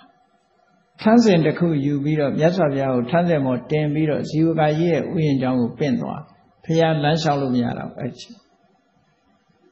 အဲ့ဒီညဟာအမတမဒုက္ခရောက်တဲ့ညတညကာယိကဒုက္ခကိုခံစားရတဲ့ညတည နတ်တွေပြမာတွေလာကြတယ်မြတ်စွာဘုရားဒုက္ခရောက်နေတာလာမေးကြသို့တော်မြတ်စွာဘုရားကညှဉ်းညူခြင်းမရှိဘူးဒါရအမတန်ပြင်းနေပေါ့ခြေမလက်မဆိုတာအလွန်နာတာကိုအဲ့ဒီခေတ်တုန်းကပိန်ကိလာတွေလည်းရှိတာမဟုတ်ဘူးဆေးကသို့တော်မြတ်စွာဘုရားကတော့သမာဘဝင်စားပြီးတော့ညှဉ်းညူခြင်းမပြုဘဲနဲ့သို့တော်မြတ်စွာဘုရားဟာလမ်းလျှောက်တယ်ဆိုတာမရှိဘူးအဲ့ဒီ အဲ့ဒါကြောင့်မို့အဲ့ဒီနေရာမှာမြတ်စွာဘုရားလဲလျောင်းပြီးတော့နေတယ်ဆိုတဲ့နေရာမှာဒီပြင်ချိန်တွေမှာလဲလျောင်းနေပြီဆိုလို့ရှိရင်ဥဋ္ဌာဏတင်ညာမနတိကတ္တဝါဆိုစကားလုံးလေးပါတယ်ထမဲ့အချိန်လေးကိုတတ်မှတ်ပြီးတော့မှမြတ်စွာဘုရားချိန်ဆက်လေးရှိတယ်ဘယ်တော့ဖြစ်ဖြစ်ဘယ်ချိန်ထမယ်ဆိုအဲ့ဒီခြေတော့ခိုင်းမိထားတဲ့အချိန်ကတော့ထမဲ့အမှတ်တင်ညာကိုနှလုံးသွင်းတယ်ဆိုတော့မပါဘူး မထဘူးခြေတော့နာနေမနဲ့ထီအောင်ဆက်ပြီးတော့ချိန်ဆက်ရ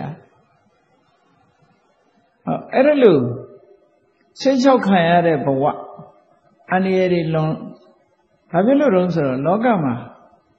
လူတော်လူကောင်းတွေကြီးရှိတာမဟုတ်ဘူးလူဆိုးလူမိုက်တွေလည်းရှိတာပဲပေါ့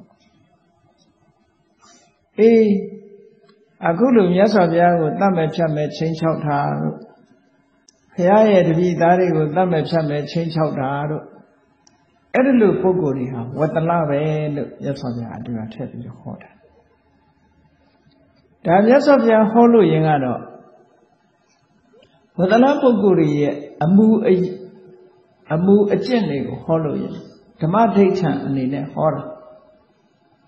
ဘယ်သူကမှရည်ရွယ်ပြီးတော့ဟောတာမဟုတ်ဘူးဓမ္မဒိဋ္ဌံဝတ္တလဆိုတာဒါမျိုးမှခေါ်လို့ရမယ်ဆိုတာ အကျင့်ပိုင်းကနေခေါ်ဟောနောက်ဆုံးတစ်ခုကြတော့ဘာဟောလိုက်တုံးဆိုယောဝေအနရဟံတန်တော်အရဟံပဋိဇာနာတိယန္တာမဟုတ်ဘဲနဲ့ဒါကြတော့ဘုန်းကြီးယဟန်နေနဲ့ပိုသက်ဆိုင်ပါကိုကိုယ်တိုင်ကယဟန္တာမဟုတ်ပါပဲနဲ့ယဟန္တာလို့ ဝန်ခံတယ်ပြောတယ်သူယဟန္တာဖြစ်ပြီလို့ဒီလိုပြောတယ်ဗမာပြည်မှာလည်းရှိတာပဲယဟန္တာဆိုပြီးတော့ကြော်ညာတဲ့ပုဂ္ဂိုလ်ရှိတယ်တကယ်ရှိခဲ့တယ်နော်သူပဲနိဗ္ဗာန်ကယဟန္တာဖြစ်ပါတယ်လို့ကြော်ညာဘယ်နိဗ္ဗာန်ကသတ္တဗံစာပေအနေနဲ့ပြောမယ်ဆိုလို့ချင်းအရိယာဖြစ်ပြီလို့ဆိုတာကိုပရိသတ်ထဲမှာကြော်ညာဖို့ဆိုတာ တကယ်စာပေကျမ်းဂန်နဲ့ပြောမယ်ဆိုလို့ရှိရင်မဖြစ်နိုင်တာတခုပဲဘာဖြစ်လို့တော့လို့ဆိုတော့ဘုန်းကြီးတို့လေးလာကြည့်ရတဲ့စာပေကျမ်းဂန်ထဲမှာအရိယာဖြစ်သွားပြီဆိုလို့ရှိရင်စိတ်ဓာတ်ကဘယ်လိုရှိသောတာပန်ဖြစ်သွားပြီဆိုရင်သောတာပန်ဖြစ်သွားတဲ့ပုဂ္ဂိုလ်တယောက်ရဲ့စိတ်ဓာတ်ရေးထားတာရှိတယ်သူရထားတဲ့တရားဓုတရားမြတ်ကိုလူတိုင်းရစေခြင်းတယ် ဒါသူ့ရဲ့စိတ်ဓာတ်တစ်ခုနော်သူရတယ်လို့သူသိတဲ့တရားဓုတရားမြတ်ကိုကျန်တဲ့လူတွေအကုန်သိစေခြင်းဒါနံပါတ်1နံပါတ်2ကသူရထားတဲ့တရားဓုတရားမြတ်ကို သူရပါတယ်လို့ထုတ်ဖော်ပြောဖို့ရအတွက်သူရွှေအိုးဘယ်နှမှာမြုပ်ထားတယ်လို့ပြောရမှာခက်တယ်လို့ခက်တယ်လို့ကိုခက်တယ်တဲ့ဆိုလိုတာကသူများကိုထုတ်ပြောဖို့ရကြတော့အမတန်ဝန်လေးတယ်လို့ပြောတာ မေးနိုင်မှပြောကောင်းပြောနိုင်မယ်အဲမမေးဘဲနဲ့ရှောက်ပြီးတော့ကြော်ညာနေတယ်ဆိုရင်တော့မဟုတ်တော့ဘူးအဲ့ဒါနော်မမေးဘဲနဲ့ကြော်ညာတယ်ဆိုရင်တော့မဟုတ်ဘူးအဲ့ဒါစာပေထဲမှာဒီတိုင်းပါပဲသောတပန်ပုဂ္ဂိုလ်သည်တဲ့သူရတဲ့တရားတို့တရားမြတ်ကိုလူတိုင်းကိုရစေခြင်းနဲ့တဲ့ဒါနံပါတ်1ဆန္ဒပဲနံပါတ်2က သူရထားတဲ့တရားတို့တရားမြတ်ကိုလူသိမှအမတန်ဆိုးတယ်သူ့ကိုသောတပန်လို့လူသိမှအမတန်ဆိုးတယ်အကြောင်းမရှိဘဲနဲ့ထုတ်ပေါ်ပြောကြားလိမ့်မရှိဘူးအကြောင်းကိစ္စရှင်လို့ပြောတတ်ပါအကြောင်းကိစ္စမရှိပဲဘယ်တော့မှပြောလိမ့်မရှိတခါတော့ကဇာလန်းလေးတစ်ခုတောင်ရှိသေးတယ် စိတ်တလဆိုတဲ့တောင်ဒီဟိုကျောင်းမှာရှိတယ်အဲ့ဒီစိတ်တလတောင်တောရကြောင်ကြီးမှာတရားထုတ်ပြီးတော့ယဟန္တာတွေများစွာဖြစ်ကြတယ်အဲ့ဒီတောင်မှာယဟန္တာပုဂ္ဂိုလ်ကြီးအဲ့ဒီယန္နာပုဂ္ဂိုလ်ကြီးရဲ့နောက်ကနေပြီးတော့သပိတ်ပိုက်ပြီးတော့လိုက်တာအသက်ကြီးမှဝတ်တဲ့ကိုတော်ကြီးတစ်ပါးရှိဆုံးခံသွားရင်သူကနောက်ကနေပြီးတော့မေးတယ် ရှင်ဘုရားတဲ့တပည့်တော်ယဟန္တာဆိုတော့သိချင်တယ်ဘယ်လိုပုဂ္ဂိုလ်မျိုးယဟန်ကနဲ့ခေါ်တော့ယဟန္တာဆိုတာမြင်သိနိုင်ပါမလားဘယ်လိုပုဂ္ဂိုလ်ကယဟန္တာဘာလို့လို့ဆိုဒီယဟန္တာဖြစ်သွားလဲလူကဒီလိုပုံစံမဲ့လေပြောင်းလာတာမှမဟုတ်တာဟုတ်တရားသူတရားမြတ်ရသွားတာပြောင်းလာတာမဟုတ်ဘူးဆိုတော့ပြောင်းလာတဲ့အနေအထားလေးတွေကိုအကဲခတ်တတ်ရင်တော့သိမှာပေါ့ ကဲမခတ်တတ်ရင်ဒါတွေကမသိနိုင်ဘူးပေါ့ရုပ်ပြောင်းသွားတာလည်းမဟုတ်ဘူးအဲ့တော့သူကနောက်ကနေလိုက်ပြီးတော့အဲ့ဒီကိုရောကြီးကမေးတယ်ရှင်ဘုရားယဟန္တာဆိုတာဘယ်လိုပုဂ္ဂိုလ်မျိုးတော့ဆိုတော့ရှေ့ကသူမေးနေတဲ့ပုဂ္ဂိုလ်ကြီးကယဟန္တာကြီးယဟန္တာကြီးဆိုသူယဟန္တာလို့သူမပြောဘူးမပြောဘဲနဲ့ဘယ်လိုပြောတော့ဆိုငါရှင်ရေယဟန္တာဆိုတာအမတန်သိရခက်တယ်တဲ့ ယဟန္တာဆိုတာယဟန္တာပုဂ္ဂိုလ်ရဲ့နောက်မှာတပိတ်ပိုက်လိုက်နေပေမဲ့လို့ရှေ့ရကိုတော့ယဟန္တာလို့ဆိုတာမသိနိုင်တယ်လို့ပဲတဲ့ဒီလိုပြောလိုက်တယ်သို့တော်ဟိုကိုရောကြီးကနားမလည်သေးဘူးအဲ့ဒါကိုနားမလည်ဘူးတဲ့ဒီလိုဆွလို့တာနော်လူတော့မြင်နေတာပဲဒါပေမဲ့ယဟန္တာဆိုတာကိုမသိနိုင်ဘူးပေါ့အေးယဟန္တာဆိုတာလည်းအမျိုးမျိုးရှိတယ် လူတွေကယဟန္တာဆိုတကိုးပြမှယဟန္တာလို့ထင်တာယဟန္တာရဲ့တကိုးကဘာလဲဆိုရင်စိတ်ကိုပိုင်နိုင်တာဟာဒါယဟန္တာရဲ့အစွမ်းတကိုးပဲပညာဝိမု ക്ത ယဟန္တာလို့ဆိုတဲ့အခါယဟန္တာတိုင်းမှာအစွမ်းတကိုးဒီမြေရှုမိုးပြန်ဆိုတဲ့တကိုးအိဋ္ဌိပတ်တွေရှိတာမဟုတ်ဘူးသူရှိတာပါတော့စိတ်တိတ်တရိယစိတ်ကိုလွှမ်းမိုးထားနိုင်တယ်သူစိတ်ကိုသူနိုင်တယ်ပေါ့ ဖုဒ္ဓတလောကဓမ္မေစိတ်တံယတနကံပတိဆိုတာလောကဓာတ်တွေကိုခံနိုင်တယ်စိတ်ထတည်ငြိမ်တယ်အဲ့ဒီလိုပုဂ္ဂိုလ်မျိုးကိုဒါတာမန်ပုဂ္ဂိုလ်တွေကသိဖို့ရအမှန်တန်ခဲနေယဟန္တာပုဂ္ဂိုလ်ကလည်းသူယဟန္တာလို့ဘယ်တော့မှမပြောဘူးတဏှာငဲ့ညတဲ့အခါမှာပြောသိရင်တော့ပြောတယ်တခါတော့ကတီယိုကျောင်းမှာဖြစ်ပြခဲ့တဲ့ဝတ္ထုလေးတို့ ယန္တာပုဂ္ဂိုလ်တစ်ပါးကအိတ်တဲ့အိမ်မှာပင့်ထားတော့ပင့်ထားတော့အဲ့ဒီယန္တာပုဂ္ဂိုလ်ကနိုင်ရန်လေးချားတဲ့ဗရင်ပေါက်နာမှာခုံပေါ်မှာထိုင်အဲ့တော့အဲ့ရှင်အမျိုးသမီးကတစ်ဖက်ကခုံပေါ်မှာထိုင်တဲ့အခါကျတော့အပြင်ကလှမ်းကြည့်ဘယ်လိုမြင်ရတော့လို့ဆိုတော့တခုံနဲ့ထိုင်နေတယ်လို့မြင်ရ အဲဆုံးရသွားတဲ့ကိုတော်ကမြင်တယ်မြင်လိုက်တော့ကြည်သန်းဒီကိုတော်ကြီးအမျိုးသမီးနဲ့ခုံနဲ့ထိုင်နေတယ်ပေါ့အမြင်ဆိုတာကတစ်ခါတစ်ခါကျတော့မှားတတ်သေးတာသူတို့ထိုင်တာတော့တခုံချင်းထိုင်တာပဲခလန်းလန်းချင်းထိုင်နေတာသို့တော့သူကအဲ့လိုမြင်ပြီးတော့ကြောင်းရောက်ရင်တော့ဒီကိုတော်ကြီးကိုဆွဆွဲမယ်ပေါ့မျိုးသမီးနဲ့တူတူထိုင်ရမလားလို့အဲ့ဒီမှာယဟန္တာကသူ့ရဲ့အမူအရာကိုကြည့်တယ် အဲ့ကိုတော့အကြီးကွက်ကြီးကွက်လုံနေတာမြင်လာနဲ့အဲဒီကိုတော့ငါပေါ်တော့အထင်လွဲနေပြီငါယဟနာပုဂ္ဂိုလ်ဖြစ်ရတဲ့နဲ့သူအထင်လွဲရင်သူငါ့ကိုဆွဆွဲလိုက်မယ်ဆွဆွဲရင်သူငရဲကြည့်လိုက်မယ်ပေါ့ဆိုပြီးတော့ကျောင်းရောက်တဲ့အခါကျတော့ဘုကရောသပိတ်ချပြီးတော့ဓာတ်ဆောင်လာတော့တာသူစီတန်တမမတ်ပြောတော့မယ်ပေါ့အဲ့လိုတန်တမမတ်လာတဲ့အခါကျတော့အဲ့ယဟနာကြီးက ဇံဝင်စားပြီးတော့အောက်မှာမနေဘဲနဲ့မျက်နှာချက်အထိအောင်သူခန္ဓာကိုယ်မြောက်ပြီးတော့မျက်နှာချက်အထိအောင်ကတ်လိုက်လိုက်တယ်။ကောင်းရင်ပြန်နေလိုက်တယ်ပေါ့။ကြောင်းအမိုးမျက်နှာချက်ပါ။ရောကရောဟိုကြည့်ဒီကြီးခုနဒီထဲဝင်သွားပါတယ်ဘယ်ရောက်သွားတော့လဲလိုက်ကြည့်တော့အပေါ်မော့ကြည့်လိုက်တဲ့အခါကျသူတော့တွေ့။သွားတွေ့တာကိုပြောမိပြောပြောသေးတယ်။ ကောင်းငင်ပြန်ပြနေပြီမဲ့လို့သူကပြောရမှာပဲဆိုပြီးတော့ပြောသေးတယ်နော်အဲ့လိုဟာမျိုးကရှိသေးတယ်နောက်တစ်ပါးတော့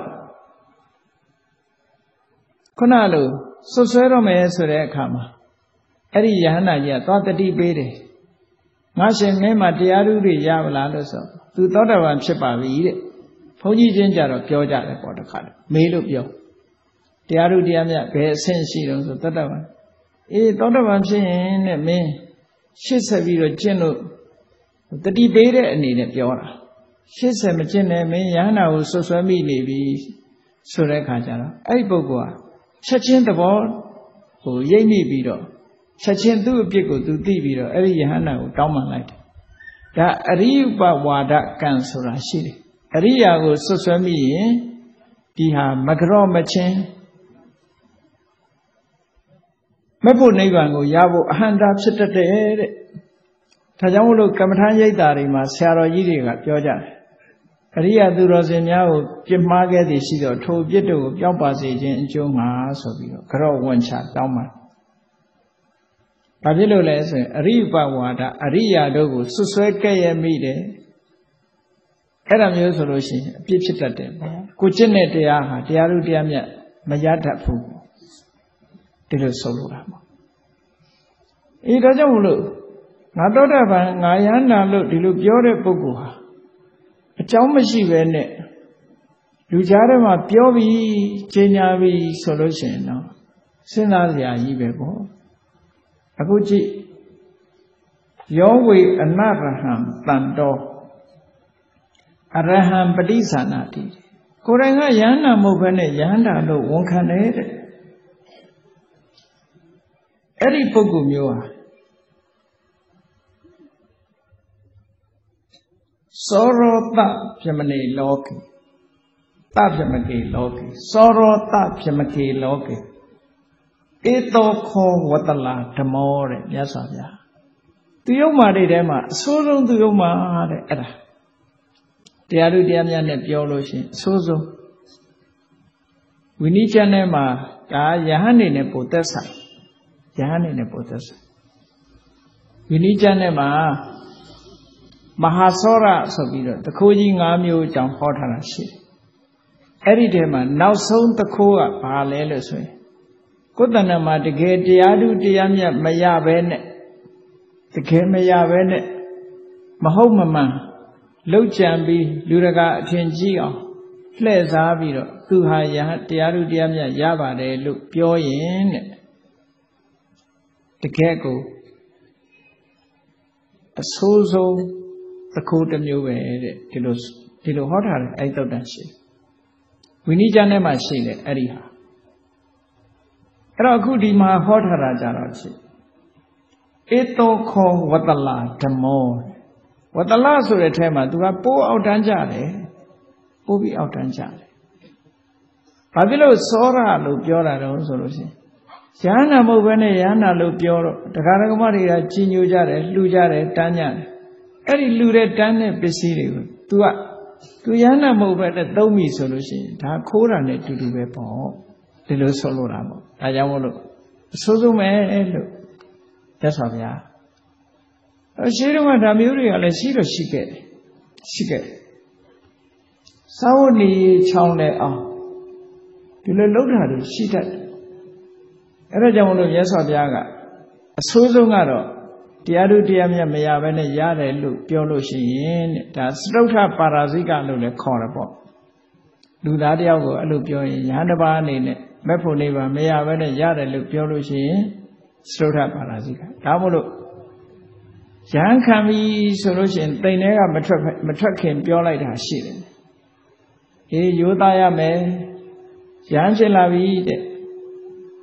ဥတ္တရိမနုဿဓမ္မဆိုတဲ့အထက်ထမ်းပုဂ္ဂိုလ်တွေသာရရှိနိုင်တဲ့ဇန်တရားတို့မက်တရားတို့ဖို့တရားတို့ဆိုတာကိုမရဘဲနဲ့ဝါကြွားပြီးမပြောနဲ့တဲ့ပြောလို့ရှိရင်အခုတိတ်ခါတင်ပေးလိုက်တဲ့ယဟန်အဖြစ်ပြက်ပြက်သွားပြီတဲ့ပြက်ပြက်သွားရုံနဲ့မကဘူးနှချမ်းကွဲသွားတဲ့ကြောက်ပြာကြီးပြန်ဆက်လို့မရသလိုနောက်ထပ်ယဟန်ဝှချင်လည်းမရတော့ဘူးလို့ဟောဒီလိုမှားရတယ်တိတ်ထဲမှာပဲဒီလိုမှားလိုက်တာ အဲ့ဒါကြောင့်မလို့ဒါအဆိုးဆုံးအပြစ်တစ်ခုလို့ဒီလိုသတ်မှတ်တယ်အေးအဲ့ဒီမှာယောဝေအနရဟံတန်တော်အရဟံပဋိသနာတိယန္တာမဟုတ်ဘဲနဲ့ယန္တာလို့ဝန်ခံပြောကြပြီဆိုလို့ရှိရင်တဲ့လောကမှာအဆိုးဆုံးဝတ္တလရုပ်မှသူဖြစ်တယ်တဲ့ဆိုပြီးတော့မြတ်စွာဘုရားကဏိကုံးချုပ်တယ် ဝတ္တလတယုတ်တွေပြောနေတာအတော်နဲ့ပြီးနိုင်မှာမဟုတ်ဘူးဒါကြောင့်မို့ဏိကုံးချုပ်လိုက်တယ်အဲ့ဒီမှာပဲဣတိခောဝတ္တလဝုဒ္ဓမယဟိတိပကာတိတာငါပြောပြထားတဲ့တဲ့ဝတ္တလဖြစ်ချောင်းတိယုံမာတို့ရဲ့အမှုအကျင့်ဆိုတာတွေကိုငါပြောလို့ပြီးပြီတဲ့အဲ့ဒါတွေကိုထောက်မယ်ဆိုရင် အမျိုးရိုးနဲ့မဆိုင်ဘူးယုံညာနဲ့မြင့်မြတ်တယ်ဆိုတာမျိုးနဲ့မဆိုင်ဘူး ဝတ္တလဖြစ်တာပြမနာဖြစ်တာမျိုးနဲ့မဆိုင်ဘူး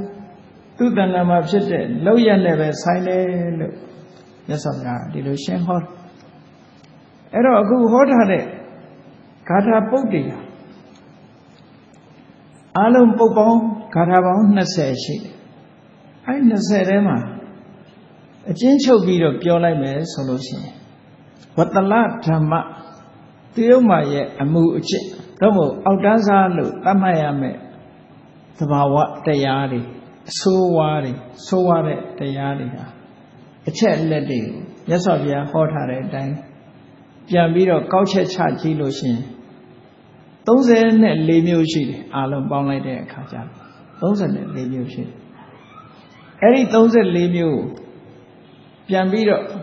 အထက်ကရာဆရာကြီးကပြန်ပြီးတော့ကောက်ချက်ချပြထားတယ် အဲ့34မျိုးကနံပါတ်1ကဒေါသကြီးတယ်ဒေါသဒေါသကြီးလွန်းရင်ဒါဝတ္တလသူတဏ္ဍမှာရှိတဲ့ပြင်းထန်တဲ့ဒေါသနောက်တစ်ခါရံညှို့ဖွဲ့တဲ့ရုပ်မာတဲ့စိတ်ထားရှိတယ်ခြေစုကမ်းတယ်နော်မှားရတဲ့အမြင်ကံကံရဲ့အကျိုးကိုညင်းပယ်တဲ့အမြင်ရှိရင် ဒါဝတ္တလဓမ္မနောက်တစ်ခုကကိုယ့်အဖြစ်ကိုကိုဖုံးကွယ်ဖို့ကြိုးစားရင်တတ္တဝါတွေကိုညှင်းဆဲတတ်ဖြတ်ပြီးအကျဉ်းနာကင်းလို့ရှိရင်မြို့ရွာနေကုန်းတွေကိုပိတ်ဆို့ပြီးတော့ဒုက္ခရအောင်လုပ်ရင်သူများပစ္စည်းကို မတရားသဖြင့်ခိုးရင်ကျွေးယူပြီးတော့လိမ့်လီလှည့်စားပြီးပြန်လီမပေးဆက်လို့ရှိရင်ဟောနောက်တစ်ခုက သူများပစ္စည်းကိုအနိုင်ထက်လူရဲ့တိုက်ခိုက်လူယူမယ်ဆိုရင်နောက်တစ်ခုကယုံပြင်ကနာတက်ပြီးတော့တသက်မတရားတသက်ထွက်ဆိုရင်နောက်တစ်ခုကမိတ်ဆွေကိုပြစ်မှားရင်နောက်တစ်ခုကဂျေစုမသိထရင်နောက်တစ်ခုကဂျေစုပြုခဲ့တဲ့ဂျေစုကိုအတိမတ်မပြုဘဲနဲ့ဂျေစုကမ်းလို့ရှိရင်နောက်တစ်ခုက လူတွေကိုလှည့်စားထလို့ရှိရင်ခုနလိုလိန်ညာပြီးတော့အလုပ်ရမယ်။ဘာညာနဲ့လိန်ညာပြီးတော့ခေါ်ပြီးတော့လှည့်စားတတ်မယ်ဆိုရင်ဟောအကုသိုလ်အမှုတွေကိုပြုပြီးတော့ဖုံးကွယ်ဖို့ကြိုးစားမယ်ဆိုရင်တချို့ကလေးလည်းနည်းနည်းထပ်ထပ်ပါနောက်နံပါတ်16ကလည်းပဲအဲဂျေစုကန္တရနောက်တစ်ခုကလှည့်စားတယ်ဟောနောက်တစ်ခုကညှင်းဆဲတယ် နောက်တစ်ခုတစ်မျိုးကတခါလှည့်စားတယ်လှည့်စားမှုလှည့်စားနည်းလေးတွေတော့ဒုက္ခထာနဲ့သူမတူညီတာလေးတွေပါတော့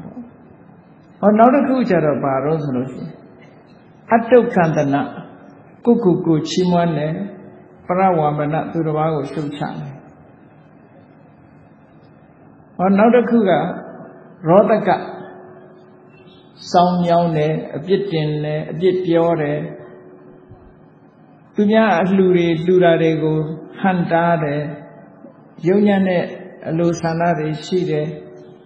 ကိုယ့်အကူနှမျောလွန်းအားကြီးတယ်ကောက်ချစ်ဆင်းနေတယ်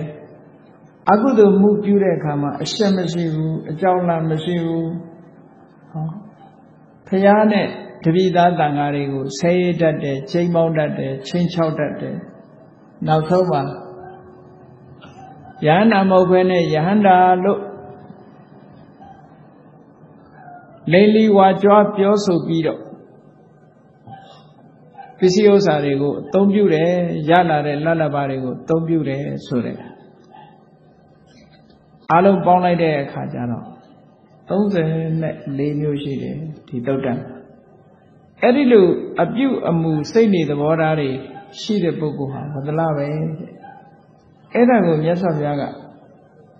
တစ်ခုချင်းတစ်ခုချင်းအသေးစိတ်ဟောကြားပြီးတော့ ဝတ္တလဆိုတာလူရဲ့ပုံမှန်တဏ္ဍာကိုကြည့်ပြောရတာမဟုတ်ဘူးသူ့ရဲ့လှုပ်ဆောင်ချက်သူ့ရဲ့စိတ်နေသဘောထားသူ့ရဲ့အပြုအမူတွေနဲ့သာပတ်သက်တယ်ဇန်နဲ့လည်းမပတ်သက်ဘူးဒါကြောင့်မို့လို့မြတ်စွာဘုရားကဆိုလိုတာကငါကဝတ္တလမဟုတ်ဘူးဒါကိုတိုက်ရိုက်ဆန့်ကျင်ပြီးတော့မပြောပေမဲ့လို့သူကိုယ်တိုင်လည်းဝတ္တလမဟုတ်ဘူး ဒီလိုအမှုချင်းရှိတဲ့ပုဂ္ဂိုလ်ဟာဘယ်သူပဲဖြစ်ဖြစ်ဝတ္တလပဲဒီအမှုချင်းကင်းမှဖြစ်မနာဆိုတာဖြစ်နိုင်တယ်အမျိုးဆက်မြင့်မြတ်တဲ့အမျိုးကဖြစ်လို့မြင့်မြတ်တယ်လို့သတ်မှတ်လို့မရဘူး